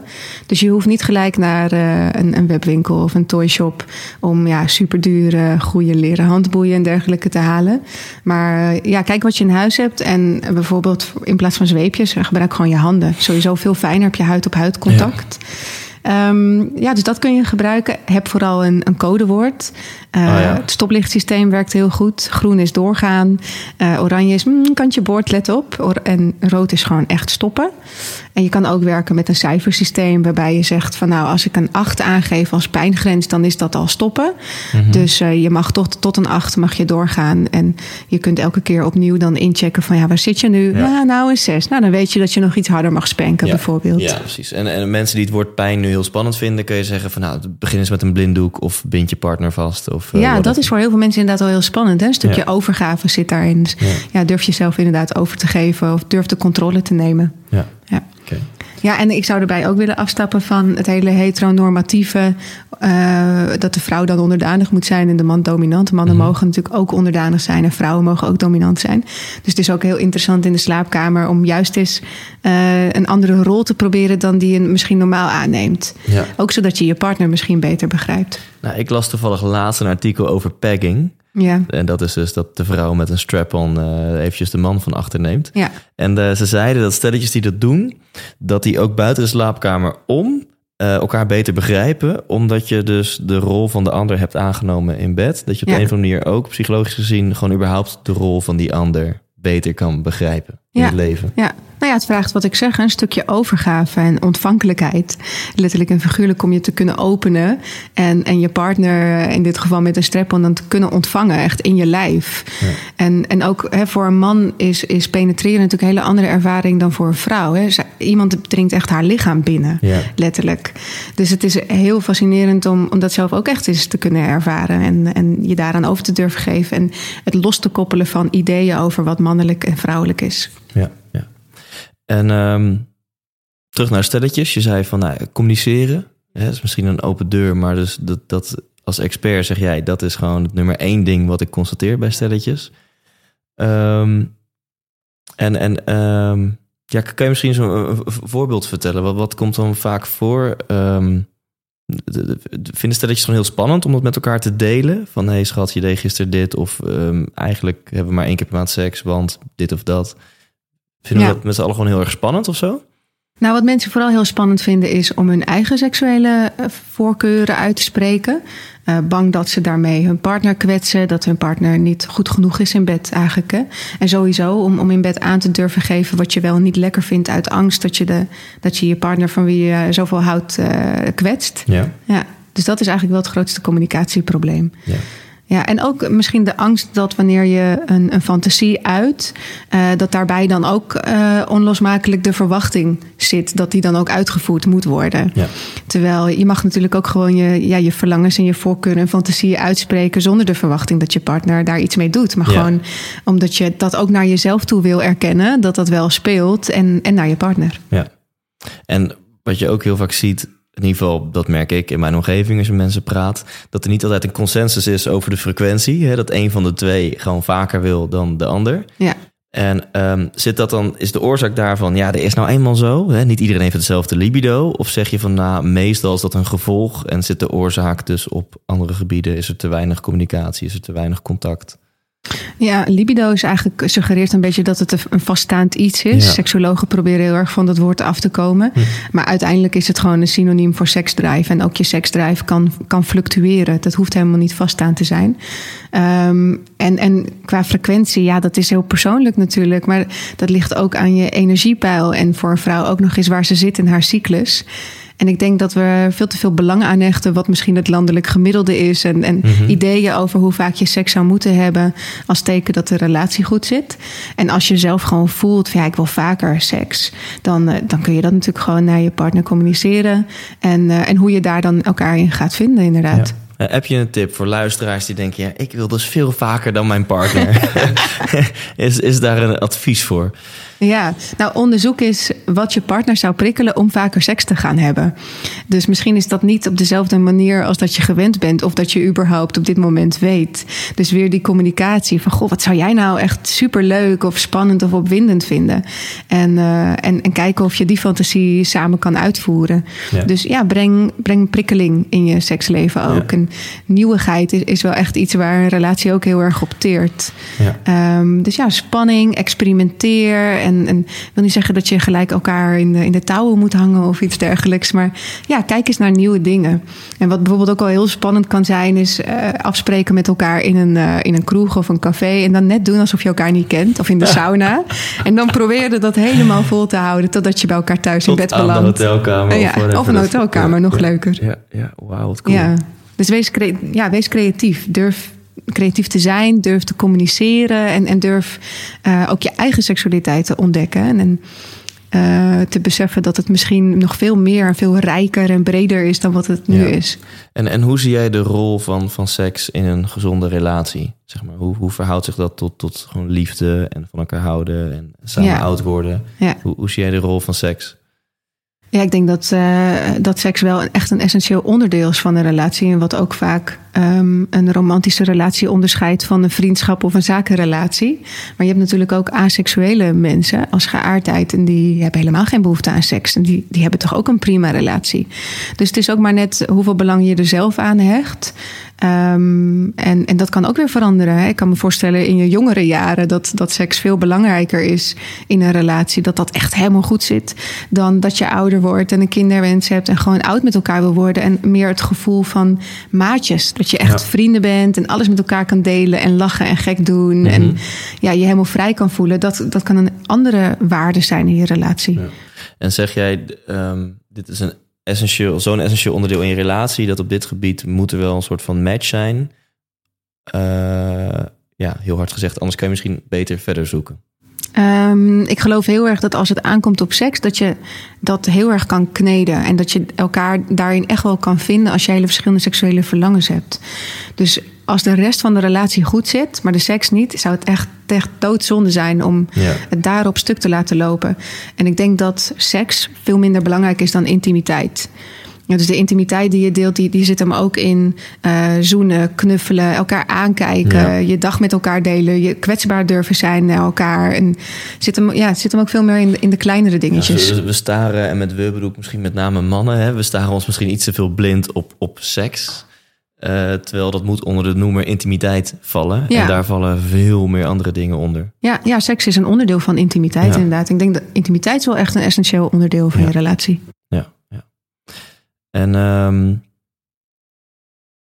ja, over, eh, over tantra gesproken, waar we het net over hadden. Eh, als je dan tegenover elkaar zit en je kijkt elkaar diep aan, is dat niet, ehm, leidt dat niet puur tot, zeg maar, waar we het net over hadden, tot meer connectie en ook richting jezelf, maar ook richting de ander. Maar leidt dat ook serieus tot een bepaalde seksuele energie? Of is het, ja? Dus het, Dat kan zeker wel. Dat hoeft natuurlijk niet. Het ligt ook een beetje aan je eigen stemming en je energiepeil. En of je bijvoorbeeld begeleid wordt door een, een coach of een andere deskundige daarin. Maar je kan zeker in dat oogcontact superveel seksuele energie opwekken. En, eh, en dat kan je ook heel bewust doen door dat gewoon te willen. En, en te voelen dat je je seksuele energie kan cultiveren en, en kan kanaliseren. Kan verspreiden door je lijf en Ja, naar ja. de ander kan sturen. Alleen al in je blik. Ja. Dus ja, als de, als de chemistry goed zit tussen twee mensen, dan, dan kan je in oogcontact echt al vuurwerk maken, Ja, natuurlijk. gek. Ja. En ehm, ja, als we het dan hebben over het net over hadden, je hebt verlangens en die moet je eigenlijk naar elkaar uitspreken. Niet per se met de verwachting dat jouw partner die verlangens kan waarmaken, maar, Ja. maar wees eerlijk naar jezelf en naar je partner dat je die verlangens hebt. Of misschien wil jij veel vaker dan je partner. Ehm, wat we steeds vaker zien, of in ieder geval ik in mijn omgeving steeds vaker zie, is open relaties. In welke vorm dan ook. Dat je in welke vorm dan ook elkaar toestemming geeft van nou, je mag best een keer met een ander, zeg maar. Ja. Hoe, eh, hoe denk jij daarover? Ehm, ik denk dat eh, er bestaan heel veel verschillende relatievormen. En ik denk dat elke relatievorm het beste werkt als je daar met z'n tweeën bewust voor kiest. Dus ook als het gaat over monogamie, dan spreek ik liever over bewuste monogamie. Dat je er bewust voor kiest om monogaam te zijn. En, en monogamie is natuurlijk nog steeds eigenlijk de hoofdrelatievorm Ja, die we kennen. ja. En, en mensen zijn vaak monogaam, of, of denken in ieder geval monogaam te zijn of willen zijn, omdat dat is waarmee ze zijn opgegroeid en weten vaak niet beter. En je ziet nu steeds meer in, in de media ook eh, over poly- polyamorie en open relaties. En ik denk ook dat het ook te maken heeft met een meer individualistische maatschappij. Dat we steeds meer op zoek gaan naar wat wil ik? Hè? Wat, zijn, wat zijn mijn waarden? Wat vind ik belangrijk in het leven? Vrijheid wordt steeds belangrijker, omdat we gewoon hè, goed in die piramide van Maslow zitten in het Mhm, Westen. Ja. Dus eh, zelfontplooiing en vrijheid, die, die in die piek zit, zeg maar, daar, daar zitten we gewoon ook steeds meer in eigenlijk. En dan is een open relatie natuurlijk eh, ja, eh, bijna een utopie eigenlijk. Van oh wauw, dan kun je en de veiligheid en de Ja. verbinding en het vertrouwen van een vaste relatie hebben. En de spanning en passie en prikkeling en de nieuwigheid van, van nog iets anders erbij. Ja. Dus dat klinkt natuurlijk voor mensen, zeker die, die veel bezig zijn met persoonlijke ontwikkeling, klinkt dat heel aantrekkelijk. En, ehm, en voor de een werkt het, en voor de ene relatie werkt het, en voor de ander niet. Ehm, communicatie weer is daarin wel echt super belangrijk. En dat je primaire relatie gewoon wel echt goed zit. Dus dat Ja. je niet je relatie gaat openen om je huidige relatie een, een Ja. impuls te geven, of een boost voor je seksleven. Nee, juist omdat het zo fucking goed zit, ja. dat je, dat je er een bonus aan wil toevoegen. Ja. Dat is wel interessant. Je, moet, je zegt dus, hè, die basis of die relatie moet zo stabiel zijn. En dan kun je er een bonus aan toevoegen. Ja, dat echt En een aanvulling is. Niet dat je Ja, merkt van ja, verrijking. mhm, onze relatie is, eh, heeft wel ergens een barsje of een deuk. Laten we dat op gaan vullen met een regel. Je mag ook even buiten de deur neuken. Ja, of zoals, hè, dat is ook de reden waarom mensen vaak aan een trio beginnen. Omdat hun eigen seksleven misschien Ja. niet zo goed zit. Dus dan, dan reiken ze voor een nieuwe impuls in hun seksleven vaak al uit naar porno, speeltjes, parenclubs en, eh, en trio's. Terwijl ik veel meer voorstander ben van ga weer terug naar binnen, naar elkaar. En, eh, en, en durf elkaar weer te vinden. En ja, de intimiteit weer op te zoeken. En als die weer lekker stevig zit, dan ga je al Ja. die, die leuke externe dingen eraan toevoegen. En je bent ervan overtuigd dat het dus kan. Het, het, het kan dat je gewoon een hele gezonde, fijne, liefdevolle relatie hebt. Waarbij je ook allebei af en toe eh, je gang mag gaan met een ander. Ja, ik denk wel dat, dat tijd daar toch wel een bepaalde rol in speelt. Dat je tijd nodig hebt om, om elkaar te leren kennen. En je leert jezelf en de ander nooit helemaal kennen, gelukkig maar. Je- Mhm. Want je raakt natuurlijk nooit uitgeleerd als het goed is.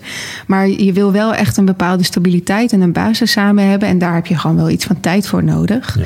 En, en dat het dan leuk wordt om, om eens te kijken van... nou, is het misschien een idee om, om wat meer openheid daarin te brengen? Ja. Ja. En eh, heb je misschien een tip voor mensen die denken van, nou ja, ik heb het er wel eens over gehad met mijn partner, maar we weten niet zo goed hoe en welke spelregels dan. Eh, jij, jij maakt natuurlijk ontzettend veel, veel stellen mee. Ook ongetwijfeld stellen die dit eh, doen, op welke, in welke vorm dan ook. Ja. Is er een bepaalde zeg maar, succesformule? Of zijn er bepaalde tips van, nou, als je het doet, spreek dan wel met elkaar dit af? Of, snap je?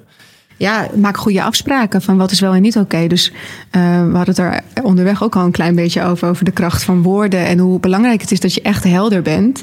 Um, dus bijvoorbeeld van ja, je mag uh, niet seks hebben met de ander. Je mag wel romantisch intiem zijn, maar geen seks. Of juist andersom, hè? je mag wel seks hebben, maar niet romantisch intiem zijn.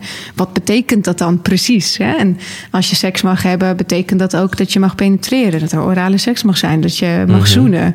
Dus ja, maak gewoon echt super helder afspraken. Bijna misschien wel een lijstje. Ja. Gewoon, uh, ja, ja, wel of niet met bekenden. Of ja, ook dat. daar blijven slapen. Of gaan we het wel of niet met elkaar delen als het is gebeurd. Ja, ook dat. Ja, dat zijn hele goede tips inderdaad. Goede aanvulling thuis.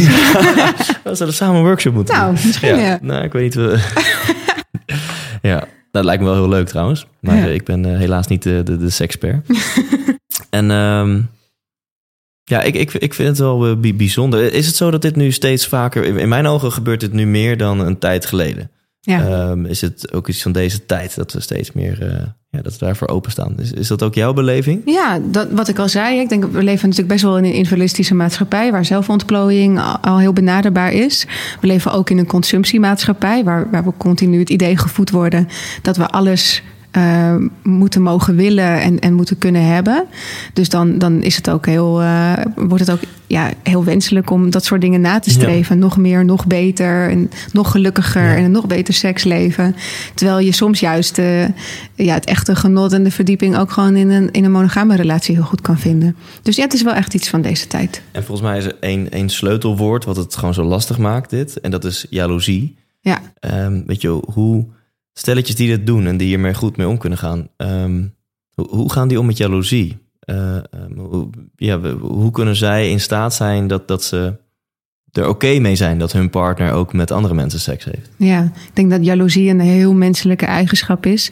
Je wil van nature de belangrijkste en de leukste zijn en de primaire voor je partner.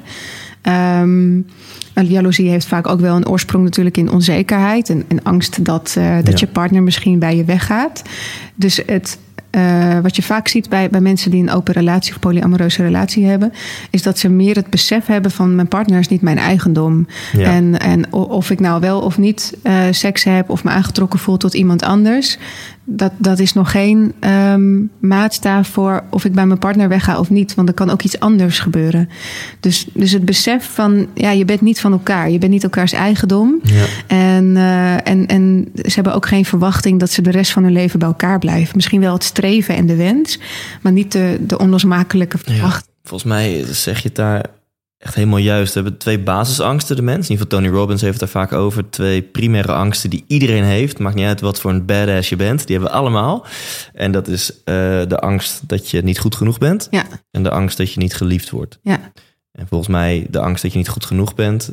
dat is gewoon een rechtstreeks lijntje naar jaloezie. Ja. Want als een partner dan met die andere seks heeft... Heeft ik um, vast niet genoeg? Ja, ben was, ik niet is, genoeg? is mijn piemel dan niet goed genoeg? Of, of, zij, of ben ik niet goed genoeg in bed? Of wat heeft hij of zij dan wel wat ik niet heb? Of Ja. whatever. Ja. Um, dus eigenlijk moet je, als je merkt dat je bovenmatig jaloers bent, moet je eigenlijk heel goed naar jezelf kijken. Of je hem, dat, los van het feit of je een open relatie hebt wel of niet. Hè? Want jaloezie komt natuurlijk ook voor als je geen open relatie Ja. hebt. Zou je eigenlijk misschien goed naar jezelf moeten kijken van... hé, hey, wacht even, dat, als mijn partner met haar collega gaat lunchen, whatever... ook Ja. al vind ik die heel knap of voel ik me bedreigd door hem of haar... eh, dat wil niet zeggen dat ik niet goed genoeg ben. Ja. Maar ze gaat gewoon even met hem lunchen. Ja, ja, precies. Toch? Ja. Nou ja, dat, dat zie je ook. Eh, Veel stellen die een open of polyamoreuze relatie hebben, zijn zelf ook vaak veel bezig met persoonlijke ontwikkeling, persoonlijke groei. En uh, die kijken dan heel erg ook naar de gevoelens die opkomen. Dus als er jaloezie opkomt, van oh wauw, interessant. Weet je, niet iets om te onderdrukken of weg te schuiven. Of hè, niet iets onwenselijks, maar iets waarvan je dus weer kan groeien. Iets dat laat zien waar je misschien nog onzekerheden hebt uh, over jezelf of over je relatie misschien wel. Ja. ja. Dus die, die zijn eigenlijk meer met de jaloezie. En die gebruiken het veel meer als, ja, Ja. als een manier om weer te groeien. Ja, en dan even lo- los van open relatie. Ik denk dat dit een onderwerp is namelijk wat bijna iedereen wel herkent. Of bij jezelf of bij je partner en anders wel in je omgeving. En dat onderwerp jaloezie. Dat, dat, een beetje jaloezie is gezond, denk ik. Je zegt ook, nou, het hoort bij mens zijn. hè? Ja, ja. Ehm, maar te veel is denk ik niet gezond. Dus heb je daar een tip voor als je te jaloers bent? Hoe, hoe kun je jaloezie terugdringen? Zeg maar? Ja, ja toen je net aangaf wat eigenlijk die twee oerangsten zijn. Uh, of twee basisangsten. Eigenlijk de, de oerangst die daar weer onder zit, is buitengesloten worden. Je wil, in, in de prehistorie waren we natuurlijk super afhankelijk van elkaar. We leefden altijd in, in tribale groepen. En uh, onder de angst om niet goed genoeg te zijn, is de angst om ja, buitengesloten te worden door de groep, omdat je dan te zwak bent. En in je eentje overleef je niet. Dus hè, als, je, als je het eigenlijk door, uh, doorbrengt naar nu, is het veel meer de angst om uiteindelijk alleen te komen zijn. dus als je echt super jaloers bent, dan zit vaak daar de angst onder dat je weer alleen komt te staan. Dus dan is het goed om, ja, om te gaan kijken naar hoe, hoe krachtig sta ik eigenlijk op eigen benen? Hoe uh, onafhankelijk ben ik in mezelf? Of, en hoeveel projecteer ik aan behoeftes op mijn partner? In hoeverre Ja. moet mijn partner ja, mijn verwachtingen en behoeftes vervullen? Ja, dus eigenlijk komt het ook weer neer op van in hoeverre haal je geluk uit jezelf, van binnenuit. En Ja. in hoeverre ben je geluk aan het halen Ja, uit externe precies. factoren. In hoeverre mag je partner, mogen jullie voor elkaar een aanvulling zijn, in plaats van dat je elkaar gelukkig moet maken, zoals Ja. het, eh, Disney-sprookje. Oh, jij gaat me gelukkig maken. Ja. ja, want geloof je er ook in? Bijvoorbeeld mijn coach en ik merk ook wel andere mensen die, die zijn ervan overtuigd van het is zo belangrijk dat je... Het is heel goed om, om gelukkig te zijn met je partner. En tegelijkertijd moet je niet je partner nodig hebben om gelukkig te zijn. Ja. Dus je bent samen met, eh weet ik veel, Margreet. En je zegt, ik ben heel gelukkig met Margreet, maar ik heb Margreet niet nodig om gelukkig te zijn. ja. Geloof jij daar ook in? Het is heel pijnlijk eigenlijk, als Margreet Ja. dat hardop zou Ja. horen. Ja. Ik weet niet of ze meeluistert, maar dat Mhm. zou ze waarschijnlijk wel heel pijnlijk vinden om te horen. Van, oh, hij heeft me niet nodig. Mhm. Maar ik denk vanuit dat besef dat je elkaar niet nodig eh, hebt, zit, daar, daarin zit wel de meeste vrijheid. En dan wordt je relatie ook het leukst. Als je elkaar niet nodig hebt om elkaar gelukkig te maken, als je elkaar niet verantwoordelijk daarvoor maakt. Hè, dat het niet de taak van de ander wordt om jou happy te maken, maar je dat al in jezelf bent. Uh, en, je hoeft niet altijd helemaal altijd gelukkig te zijn of zo. Maar als je gewoon happy bent met wie je bent, oké bent met wie je bent, dan kan je partner een aanvulling zijn. En, en dan pas kan de relatie eigenlijk echt bloeien. Ja. En ik zie je relatie ook heel erg als een platform voor groei, waarin je elkaar stimuleert om de beste versie van jezelf te worden. Dus je hoeft niet ultiem happy en fulfilled te zijn, uh, maar je kan daarin elkaar wel steunen en begeleiden. Ja. Ja. Dit is zo mooi en tegelijkertijd ook weer frustrerend aan het leven, vind ik. Dat altijd weer moet je naar jezelf kijken. Weet je wel? Ja, helaas. Uiteindelijk wijzen al die pijlen wijzen gewoon weer naar jou. En, uh, ja, it all comes back to you. Ja, precies. Ja, echt. Ja. ja. ja. Mooi. En um, het is trouwens wel, ook um, als ik kijk naar mijn vorige relaties, ik ben sinds een jaar vrijgezel. En dat is ook wel iets wat ik mezelf echt heb voorgenomen in een volgende relatie om minder jaloers en minder bezitterig te zijn. Want ja. dat maakt je relatie echt niet kleurrijker. Nee. Het is voor jezelf ook uh, heel naar, hè? Want jaloezie is een heel uh, krampachtig gevoel. Ja. Het zet eigenlijk echt, uh, je, je, voelt bijna de verkramping ja. in je lijf. Ja, ja echt, echt ja. En het is, heeft ook te maken met een stukje controle. Ja, heel erg, ja. En met onzekerheid en angst, waar we het net over hadden. Ja. Ja, ja, nou ja, vanuit die angst komt de, de wens om controle te houden natuurlijk op je omgeving. Zodat alles uh, de status, bij de status quo blijft. Want dat is veilig. Ja.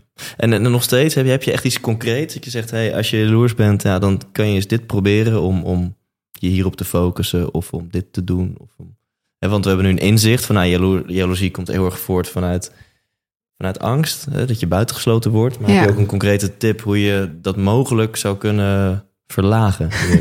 ja, daar, daar zijn niet echt zeg maar de 1, 2, 3 stappen voor. Het, het, wat je, waar we het al over gehad hebben, het is heel erg, gaat heel erg over dan naar jezelf kijken, naar waar je eigen onzekerheden over jezelf, je partner of je relatie zitten. Um, en ja, er gewoon mee durven te zijn zonder het weg te stoppen van, oh, ik mag niet jaloers zijn. Nou ja, je jaloezie mag er ook zijn. Ja. En het laat ook zien dat je uh, bang bent om iets te verliezen. Oftewel, dat je eigenlijk iets heel moois in handen hebt. Ja. Dus je, je, kan ook anders naar jaloezie gaan kijken als een, als een teken dat je eigenlijk heel dankbaar bent voor iets wat je al hebt. Ja. Hey, dan even iets compleets anders. Er zijn ook wel stromingen, volgens mij in de tantra, die zeggen bijvoorbeeld: ja, je moet niet meer klaarkomen. Want klaarkomen, dat is uh, bij een man al helemaal. Hè? Fysiek gooi je seksuele energie uit je lichaam. Ja, letterlijk. Ja, en als man ga je van geilheid level 12 naar geilheid level min 2, zeg maar in vijf seconden. ja. Toch? Dat herkent ook een man die luistert. Ja, je, je bent, er is geen moment in je leven dat je zo erg niet geil bent dan zeg maar de, de, de, de vijf minuten na je orgasme. Um, en er zijn er stromingen die zeggen, ja, je, je moet helemaal niet klaarkomen. Je moet, je moet total body orgasms hebben. Die energie moet je in jezelf houden. En ga met je partner een challenge aan om 30 dagen lang elke dag seks te hebben, maar allebei niet klaar te komen. Ja. Uh, hoe denk jij hierover? Ehm, ja, ik ben zelf niet zo van het dogmatische. Dus iets wat niet mag of niet moet, uh, of wat je juist wel moet. Uh, je moet heel erg. Je moet. Het is, het is mooi om je eigen seksualiteit gewoon te ontdekken. En, uh, en dat, dat die ook elke keer er anders uit mag zien. Ja. Dus ik ben er geen voorstander van om, om, om te zeggen van nou je mag zo lang niet klaarkomen. Zelf heb ik echter ook een, uh, een orgasme challenge op mijn site staan. Okay. Gratis 21 dagen. waarbij je geen porno mag kijken en niet mag klaarkomen. Um, -huh. Maar ja, wat is drie weken op een mensenleven? En dat is puur om, om eens te, te testen en te proeven van wat het met je doet doet als je, uh, als je het doelgerichte van seksualiteit, want dat is een orgasme vaak, het doel, ja. als je dat eraf haalt. Oh, ja. Wat gebeurt er als ja. je porno weglaat en dus niet gaat fantaseren op beelden en, en je, je seksuele prikkeling daar, van daaruit laat ontstaan? En wat gebeurt er als je het orgasme helemaal weglaat en je gewoon richt op het genieten van alles wat er ook nog steeds is? En dat is gewoon super interessant om dan te ontdekken. En wat ik ook zie bij mensen die die challenge doen, ik denk dat zo'n 300 mensen hem nu gedaan hebben, staat nog niet zo heel lang online, is dat ze veel gevoeliger worden voor aanraking. Dat hun lichaam gewoon veel gevoeliger wordt, sensitiever. En, uh, en ook voor andere vormen van aanraking. Dat ze zich bewust worden van hé, hey, maar eigenlijk is dit ook echt super lekker. En dat de seks ook relaxter wordt als je het doel van een orgasme moeten behalen eraf haalt. En natuurlijk, een orgasme is echt super lekker. En ik zal nooit zeggen, je mag nooit meer klaarkomen. Ja. Of je mag nooit meer ejaculeren tijdens een orgasme. Uh, ja, geniet gewoon wat voor, voor jou lekker voelt. Ja. Maar dat vraagt wel een bepaald lichaamsbewustzijn. Dat je dus kan voelen wat eigenlijk goed is voor jou. Ja. En, en voor, je, voor je seksleven en je relatie. Ja. En voor sommige mensen werkt het heel goed om, om nooit meer te ejaculeren. Of helemaal niet te klaar te komen. En die voelen dan inderdaad dat ze veel meer seksuele energie overhouden. En nog wel interesse hebben in hun bedpartner. Meer dan hun hoofdkussen. En voor sommige mensen werkt dat helemaal niet. En zijn ze nog steeds schuil na het klaarkomen. En willen ze gewoon voor ronde 2 gaan. Of ronde 3 of 4. Ja. Ik vind het wel een heel mooie omschrijving. Ik, ik voel hem wel. Als je zegt van. Um, als je seks gaat hebben zonder einddoel. dan. Ja, ik kan me heel goed voorstellen. Dan. Het enige wat je dan hebt is het, is het nu. Is het genieten ja. van het stoten of ja. het seks of het vrije of het neuken wat je ook aan het doen bent. Ja. En dan zit je wel met een andere mindset in de wedstrijd, zeg maar. Zo van, hé, hey, maar dit... Het is dit... geen wedstrijd thuis. nee, maar... Oké, okay, in, in, in het moment. Ja. Je zit met een heel andere mindset, ben je dan met, met elkaar bezig. Zo van, ja, dit... We moeten echt genieten van, van wat we nu aan het doen zijn. En, want er komt geen finale of zo. Ja. ja ik denk dat het ja. wel interessant is. Ja, seks gaat heel vaak over presteren. Hè? Of mijn pik moet groot genoeg zijn. Uh, ik moet als vrouw goed kunnen pijpen. Uh, ik moet uh, als vrouw tegenwoordig ook nog vaginaal kunnen klaarkomen en kunnen squirten. Mm -hmm. een man moet een, een vrouw tien keer kunnen laten klaarkomen. En al die, al, de, al, al, die prestatie die erop zit, maakt, zorgt voor heel veel verkramping juist. Waardoor je juist, hè, paradoxaal genoeg, eigenlijk veel minder goed kan genieten van seks. Dus wanneer je al, je, al die moedjes ervan afhaalt en ook al die, die tantrische moedjes van, oh, ik moet ja. uh, full body orgasms kunnen hebben. Mm -hmm. Ja, dan wordt seks gewoon veel relaxter en veel leuker. Ja. Dan, dan kan pas echt ontstaan wat er wil ontstaan eigenlijk. In plaats van dat je daarnaar streeft. Ja. Ja, super interessant. Ik, je, je hebt mijn aandacht. ik denk dat 21 dagen kan ik nog niet beloven. Maar ja. een, een, laat ik eens beginnen met een keertje. Maar het is grappig, want wat je zegt is, is wel heel sprekend. Heel veel mensen, mannen met name, die geven aan... Wat, drie weken niet klaarkomen? Ben je helemaal gek geworden? En wauw, zo belangrijk is het orgasme dus eigenlijk, ja. hè? Van ja, laat ik het eens testen. Interessant, wat gebeurt er als ik dat 21 dagen niet doe? En voor mijn part kom je daarna weer acht keer op een dag klaar. Maar ja. probeer het eens een je, keer. Je kunt het niet in de winter een keertje testen. ja, dat is makkelijker, hè? Ja, niet zo met de zon. Lentekriebels. Ja. ja, jeetje. Ja, want ik, ik, ik ga het sowieso een keer proberen. Ja, leuk. En um, tegelijkertijd denk ik echt van, oh, dan, dan ben je eenmaal bezig. En dan, dan zo ja, dan, wat is dan je cue om te stoppen, weet je wel? Dan na een tijdje, dan ben je een uur of zo bezig. Dan denk je, ja. nou ja, zullen we het hier dan maar bij laten of zo? Ja, dat is echt een super goede vraag. Uh, want een orgasme is inderdaad vaak een beetje het teken van, nou, dit is het einde van de wedstrijd. en um, als, je, als je dat orgasme als doel weghaalt, dan kun je dus eigenlijk echt gaan leren voelen wanneer het hoogtepunt qua energie al is geweest. En, en het is heel erg spannend om op een gegeven moment dan eerlijk tegen elkaar te durven zeggen, of misschien ontstaat het gewoon vanzelf, om te durven zeggen van, hé, hey, ja, eigenlijk hebben we ons hoogtepunt qua energie, hebben we de piek al gehad van dit spel. En uh, het is ook helemaal goed om nu uh, lekker te gaan slapen of douchen en aan de dag te beginnen. Ja. Want het gebeurt heel vaak in de seks dat die pieker eigenlijk al is geweest. Dan denk je, ja, maar ja, hoe moeten we het dan nu afsluiten? Ja, nou ja, ja, toch nog maar naar een orgasme toe. En vaak is dat orgasme dan ook niet eens zo heel erg bevredigend. Hm, interessant. En ehm, ja, we gaan, we gaan zo afronden. Maar we hebben het over heel veel dingen gehad. Ja, zijn er nog bepaalde onderwerpen waarvan je zegt... hé, hey, maar dat Thijs, daar heb je nog geen vraag over gesteld. Volgens mij moeten we het daar ook nog even over hebben. God, ja. ehm, Je zit naar mijn speakbriefje te kijken. ja. Want we hebben het inderdaad over zoveel dingen al gehad. Nee, ik denk dat we al de, de meeste leuke onderwerpen wel hebben behandeld. Misschien is, is, is het interessant om het te hebben... eh, je zegt, ja, seks is iets heel anders dan seksualiteit. En Ja. ik denk dat het probleem, om het er toch maar eventjes over te hebben... in, in veel relaties ehm, op, de oppervlakte, op, op de oppervlakte lijkt dat te liggen... Van bij de seks, van hey, we hebben te weinig seks, of de seks is niet goed. Of ja, Ja, Vroeger deden we het elke dag, nu doen we het één keer per maand. Maar misschien is de oorzaak veel meer seksualiteit en de, de intimiteit en de seksuele energie. Dus kun je misschien die twee dingen even uit, uit elkaar trekken? Eh, leuke woordspeling. ja, precies, dankjewel. en, en van nou, wat is dan seksuele energie? Mhm. Ehm, en hoe kun je dan in je relatie die seksuele energie weer wat meer gaan opzoeken? En dat je dan misschien als gevolg daarvan ook meer neukt. Dat daar hebben we het dan even maar... Dat is een leuke ja, bijkomstigheid het is leuke bijkomstigheid. Ja. Ja. dus kan je daar kan je dat, misschien dat onderwerp is, is, is uitdiepen. Seksuele energie, wat is dat? En hoe kan je dat nou meer krijgen in je relatie? Ja, nou ja, wat ik al aangaf, het is eigenlijk de basis waar je van gemaakt bent. En je kunt er zelf ook nieuw leven mee maken. Dus je kunt je voorstellen dat dat nogal een krachtige energie eigenlijk is die daarin zit. Ja. Ehm, en, en seks gaat veel meer over de, de handelingen die je daadwerkelijk uitvoert. Hè. En ik heb het niet zo graag over voorspel en naspel, want dat veronderstelt dat dat dus geen seks is. Maar seks gaat veel meer over gewoon echt de daadwerkelijke fysieke intimiteit. Ehm, ja, en dat, dat zijn gewoon echt twee hele verschillende dingen. En ik beheer ook op Facebook een groep die heet Durf te vragen over seks. En, en daarin zie ik ook vaak dat mensen soms vinden, het, het lastig vinden om dat onderscheid te maken. Dat als, het is een groep wat gaat over, over seks, maar in de basis eigenlijk over seksualiteit. Ja. Ehm, ja, en hoe, hoe breng je die samen, hè, is je vraag in de relatie? Nou, dus mijn vraag is meer, hoe kan je de, de seksuele energie in je relatie bevorderen, stimuleren? Ja, door vooral eigenlijk ook meer die fysieke aanrakingen erin te brengen. Eh, dus, dus niet alleen maar wachten totdat je in bed ligt en het licht uit is en, eh, en je dan gaat rollenbollen onder de dekens. Maar breng ook gewoon intimiteit in de rest van je dag. Kijk elkaar wat Ja. langer aan. Ja. Houd elkaar eens lekker vast. eh, ehm, geef elkaar een knipoog. zoen is gewoon gepassioneerd even in de keuken. En, ja, dus breng, breng, breng meer intimiteit in, in de rest van je dag eigenlijk. Ja. En, en vooral in jezelf is het belangrijk om eh, lekker goed door te ademen. Je ademhaling is echt een beetje een voertuig van je seksuele energie. En, wat je veel ziet is dat mensen hun kaken heel erg op elkaar geklemd gaan. Het is leuk om daar eens op te letten op straat. Dat, dat mensen vaak hun, hun kaken en hun lippen stijf op elkaar hebben. Ja. Terwijl als je je kaken ontspant en je, je mond eigenlijk een beetje laat hangen, wat in het begin super onnatuurlijk voelt.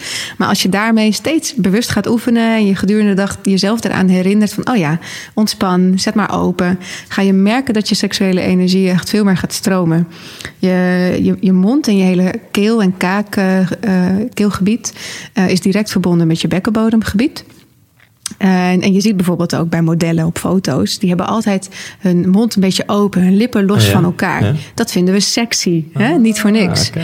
En, en ook het spreekwoord voor het zingen de kerk uitgaan associeert ook een bepaalde relatie tussen je stem, je mond Hmm. en, en seksualiteit. Dus als je leert om steeds meer je kaak te ontspannen, dan, dan kan die energie ook meer gaan stromen.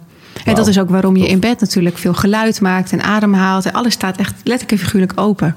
Ja. Ja, dus als je daarmee in het dagelijks leven oefent, gewoon in de auto, in het OV, op straat, eh, met je ademhaling, kaak ontspannen, ja, dan gaat er al heel veel gebeuren. En misschien je partner eens een keer gewoon een hele uitgebreide massage geven. Ja, zonder eh, seks als doel. Ja. Kaarsje aan, eh, Barry White op de achtergrond. ja. en dan eh, en gaan. Ja, precies. Ja. Ja. Dat kun je ook afspreken van tevoren. Van nou, ik ga je masseren en we gaan daarna geen seks hebben. Zodat je partner ook weet van, oh, ik kan echt helemaal ontspannen. Ja. En er wordt niet van mij verwa- verwacht dat ik daarna iets teruggeef. Hey, en dan een hele specifieke vraag. Glijmiddel op siliconenbasis of op waterbasis? Wat- Waterbasis. Ja, echt? Ja. Siliconenbasis glijdt beter. Ja. En het trekt niet in, het droogt niet op. Dus het voelt wel lekkerder. Maar het gaat niet samen met condooms en met toys. Dus ja, de meeste mensen die Hoezo hebben... gaat het niet samen met toys dan? Het, eh, omdat toy- de meeste toys zijn ook van siliconen. Je hebt natuurlijk ook glazen toys. Maar siliconen toys die reageren juist heel slecht op, op siliconen eh, glijmiddel. Dan, dan krijg je na verloop van tijd eh, komen daar scheurtjes in, net als in condooms van latex. Hm. Oké, nou, goede tip. En ehm, je zei, want dat voordat ik naar het laatste gedeelte ga, je noemde net zelf tussen neus en lippen door even kort het woord Squirten. Eh, dat is natuurlijk ook zo'n vraag die in de lucht hangt. Kan nou elke vrouw squirten? Ja of nee?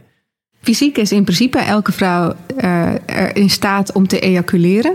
En, uh, en dat, dat komt vanuit stimulatie van de G-spot. Ja. ja. en die bestaat dus ook echt. Mm -hmm. Maar het is geen apart stukje. Het is, ja, het is een stukje sponsachtig weefsel... wat eigenlijk gewoon op de achterkant, de binnenkant van de clitoris zit. En de clitoris is eigenlijk maar het topje van de ijsberg... wat je aan de buitenkant ziet. En die gaat aan de binnenkant uh, veel verder door met grote uitlopers... die ook opzwellen mm -hmm. bij opwinding, zoals een schacht van een penis dat doet. En als je dat stukje dat, dat stukje weefsel lang genoeg stimuleert en stevig genoeg ook eigenlijk vooral, dan, uh, dan kan een vrouw ejaculeren. En dat is uh, prostaatvocht in wezen. Dus de G-spot is eigenlijk het de vrouwelijke equivalent van de dus prostaat. Dus het is geen plas wat eruit nee, komt? Nee, het komt wel via de urinebuis. Um, dus er kan wel wat urine bij zitten. Ja. Maar, de, maar het prostaatvocht, het ejaculatievocht zelf is gewoon uh, neutraal en helder. Ja. En um, kan je een mini-workshopje geven hoe laat je een vrouw squirten? Dan heb je natuurlijk heel veel tutorials op YouTube. Via de audio wordt dat heel en, lastig. Ja, uh, ja okay. Ik zal er toch bepaalde bewegingen moeten bij laten zien. Maar ik probeer het zo uit te leggen. Je, je maakt eigenlijk van twee vingers uh, een, een, soort van vishaak. Ja. En die, die breng je in in de vagina. En je, je probeert een beetje dat weefseltje te vinden. Als ze al opgewonden is, dan is dat stukje weefsel ook al opgezwollen. Dus je kunt het ook makkelijker vinden. En dan maak je eigenlijk de kom hier beweging. En dat is een, een vrij heftige trekbeweging naar buiten toe. Ja. En, en een beetje naar boven, dus een beetje richting de onderbuik. Ja. Omdat je dan dus echt tegen die achterkant van die clitoris aan zit. En dat uh, gepassioneerd en lang genoeg. Ja, en ja, voor de vrouw is het echt een kwestie van zich heel erg overgeven aan het gevoel. Omdat het toch, omdat, je die, omdat die achterkant van die clitoris naast de, de, de urineleiders ook zit. Mhm. Dus dat stimuleert ook een beetje het gevoel van moeten plassen. En dat is echt iets waar je je aan moet overgeven. Ja. Van oké, okay, ik ga niet plassen. Ik ga gewoon een heel intens G-spot orgasme hebben. Dus Ja. van, haar, van zijn kant, of nou ja, van de kant van de gever is het, uh, is het techniek. En van de kant van de ontvanger is het overgave. Interessant. Half Nederland gaat uh, elkaar aankijken. Uh, minder jaloers worden. Pollepels pakken. Ja, pollepels pakken. En, en uh, iedereen gaat squirten. Mooi. Uh, ik heb nog wat, wat oude onderspot vragen uit. Uh, ik heb wat stof eraf geblazen. Uit de en, oude ja, doos? Ja, uit de oude doos. en uh, die ga ik aan jou stellen. Ja, maar je mag eigenlijk niet meekijken. Oh nee, sorry. Ik heb ze niet gezien. Ik heb slechte ogen. Bijna interview nummer 100. Ik heb nog nooit meegemaakt dat iemand mijn speakbriefje kan zien. Maar het is mijn eigen fout. Ik heb hier mijn beeldscherm gewoon op tafel staan.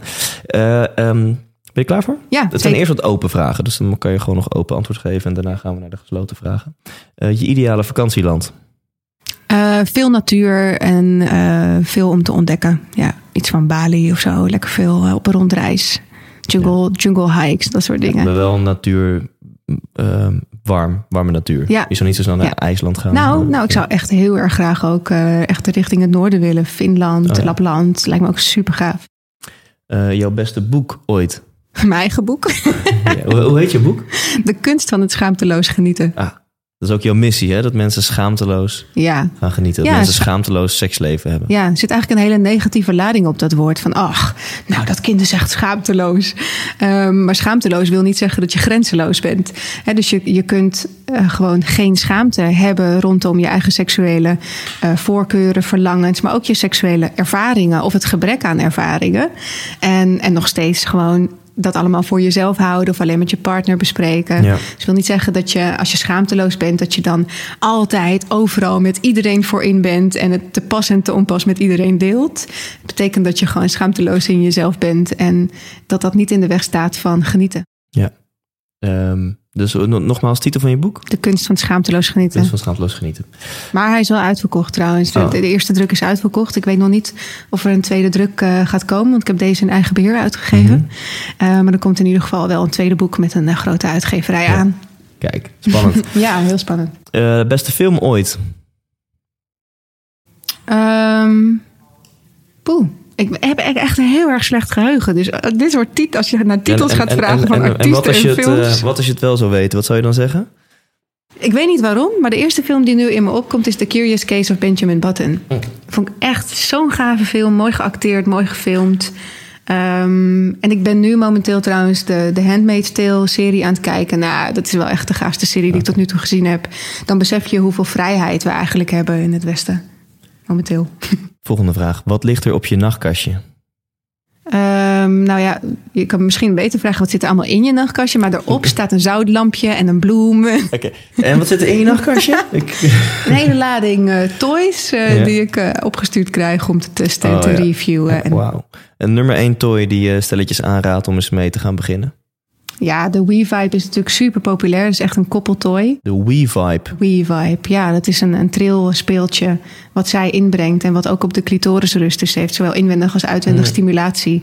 En hij heeft stimulatie, of zij, wanneer ze er tegenaan Want stoot. je kan de Wii Vibe zeg maar gewoon monteren op de vagina en daarna gewoon nog Je monteert penetreren. hem niet, ja, je zet hem erop. Ja, Ja, en er zit geloof ik ook een afstandsbediening bij. En oké, cool. is ook wel leuk als je, als je je partner kan verrassen met stimulatie. Ja, of trilleitjes, die blijven natuurlijk ook altijd heel populair. Ja, dat je die ja. op afstand kan Ja, tof. bestuderen. Best- En dit, is serieus niet een vraag die ik speciaal voor jou bedacht, maar die zit in het lijstje. Eh, guilty pleasure. Oh, echt heel erg met Temptation Island. Vind ik echt super fascinerend om te kijken. Ja, dat is gewoon bijna synoniem geworden aan, aan het woord guilty pleasure. Dus dat is dan het eerste waar ik aan denk, heel slecht. En verder hou ik gewoon ontzettend veel van koffie en chocola. Ik, eh, koffie hebben we net gedronken. Ik heb toevallig, eh, ik was in Gent gisteren en ik heb wat chocolaatjes meegenomen. Dus misschien lekker. moeten we zo meteen... eh, Ja, ja, ja. Net, Ik ga hem niet in een smoothie gooien, zoals jij vanochtend hebt gedaan. Maar... En we hadden het hier nog over gehad dat je dit niet zou delen. Ja. Ehm, favoriete auto? Eh, ja, ik, ik hou wel heel erg van hummers. Van Hummers? Ja, Wauw. ik hou wel van dikke, grote Ja. bakken. Ja, Wat zegt dat over jou, Mandy? Ehm, ja dat, ik weet het niet. Wat, wat zegt dat over mij thuis? I don't know. Laatste vraag, open vraag. Deze man schop ik niet uit mijn bed. Ja, mijn huidige man natuurlijk. Ja, dat is sowieso een correct antwoord. Ja, sorry. Oké, ja. en, en als dat antwoord niet mocht? Eh, nou, heb ik geen antwoord op. Geen idee. Ah, Oké, je je moet kiezen tussen Brad Pitt of eh, Bradley Cooper. Nou, ik weet niet wie Bradley Cooper is, dus ik kies voor Brad Pitt. Oké, Bradley Cooper is die van The Hangover. Die, eh, die pretty, niet, niet met die baard, maar die, die, pretty, die pretty boy. Oké, ik ga je onder spot zetten. Nu komen de tegenstellingen. zijn er een stuk of 15 en eh, je moet er één kiezen. Jo. Ochtend of nacht? Nacht. Bestuurder of passagier? Stuurder. Ferrari of Tesla? Ferrari. Oh, kut, Tesla. Oh, sorry.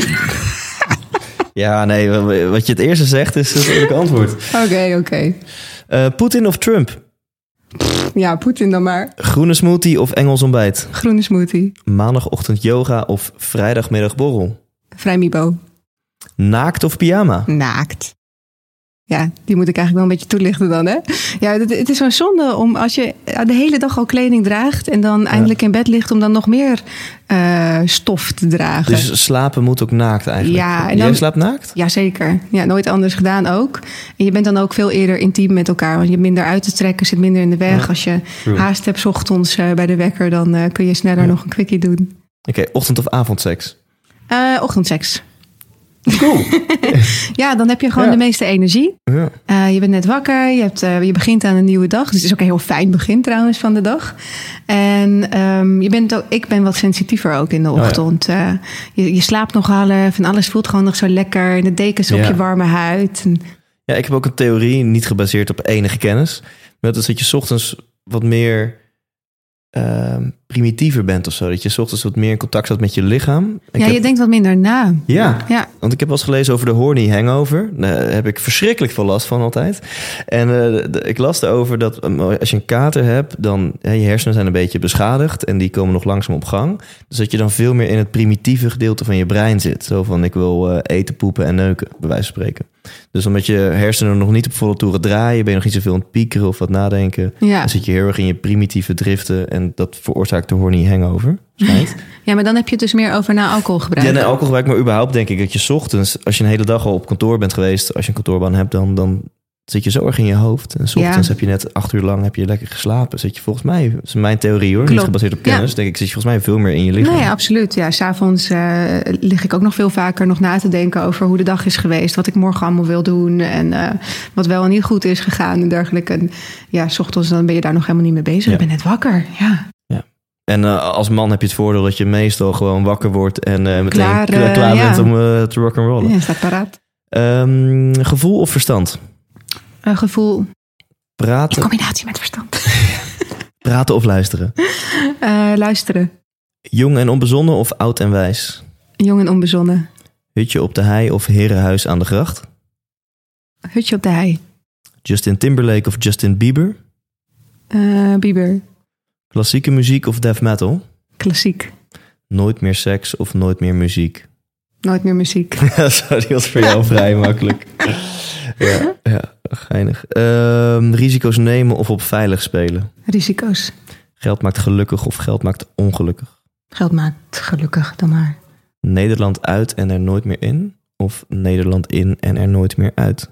Nederland uit en er nooit meer in. Dan maar lekker op avontuur. Ja, precies. Lekker rondreizen. Er is zoveel moois te ontdekken nog voorbij ja. ons kikkerlandje. Eén dag koning of één dag weer kind? Uh, één dag weer kind.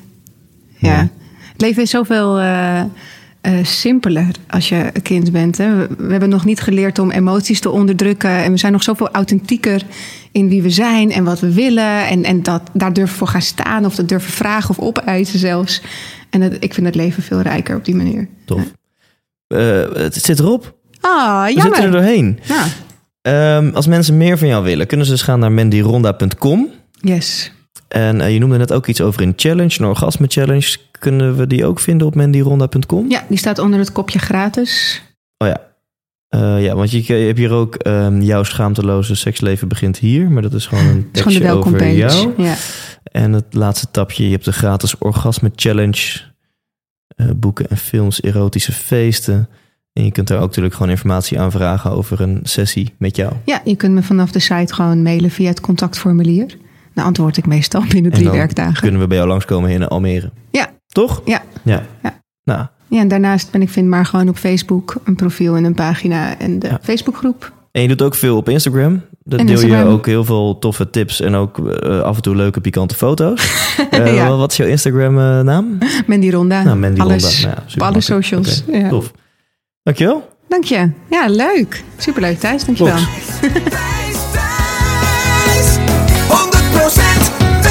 Ja, dat was aflevering Intens 94. Heel groot dank aan Mandy Ronda. Mandy, dank je wel dat je de tijd hebt genomen voor dit interview. En eh, ja, naar jou als luisteraar. Ik neem aan dat je de pollepel al in de aanslag hebt. Dat je je partner al hebt geappt van nou, we gaan vanavond even vijf minuten aandacht aan elkaar besteden. En dat je de dwel al hebt besteld omdat je wellicht eh, jezelf of je vriendin gaat laten squirten. Nou, voordat deze outro heel plat wordt, eh, check ook gewoon thijslindhout.nl, waar ik het in de intro ook al over had. Daar kun je tickets kopen voor mijn show. Daar zal Mandy overigens ook gewoon bij zijn. En ehm, op thijslindhout.nl vind je ook meer informatie over mij als spreker. En uiteraard kan je ook meer informatie over Mandy vinden, maar dan niet op thijslindhout.nl. Dat kun je vinden op mandyronda.com. Ehm, dus als je het idee hebt dat zij meer voor jou of voor jullie kan betekenen, ga naar een van haar workshops of plan gewoon een sessie in eh, bij haar praktijk in Almere. Ik hoop dat je volgende week weer gaat luisteren en leef intens. Hey, wat leuk dat je hebt geluisterd naar deze aflevering. En als je het nog niet hebt gedaan, waar wacht je nog op? Ga nu naar thijslindhout.nl en koop je tickets voor de 100% Inspiratieshow. We gaan lachen, we gaan muziek maken en vooral gaan we samen op zoek naar geluk en succes. Neem je vrienden, je vriendinnen, je partner, je collega's mee. Koop nu je tickets op thijslindhout.nl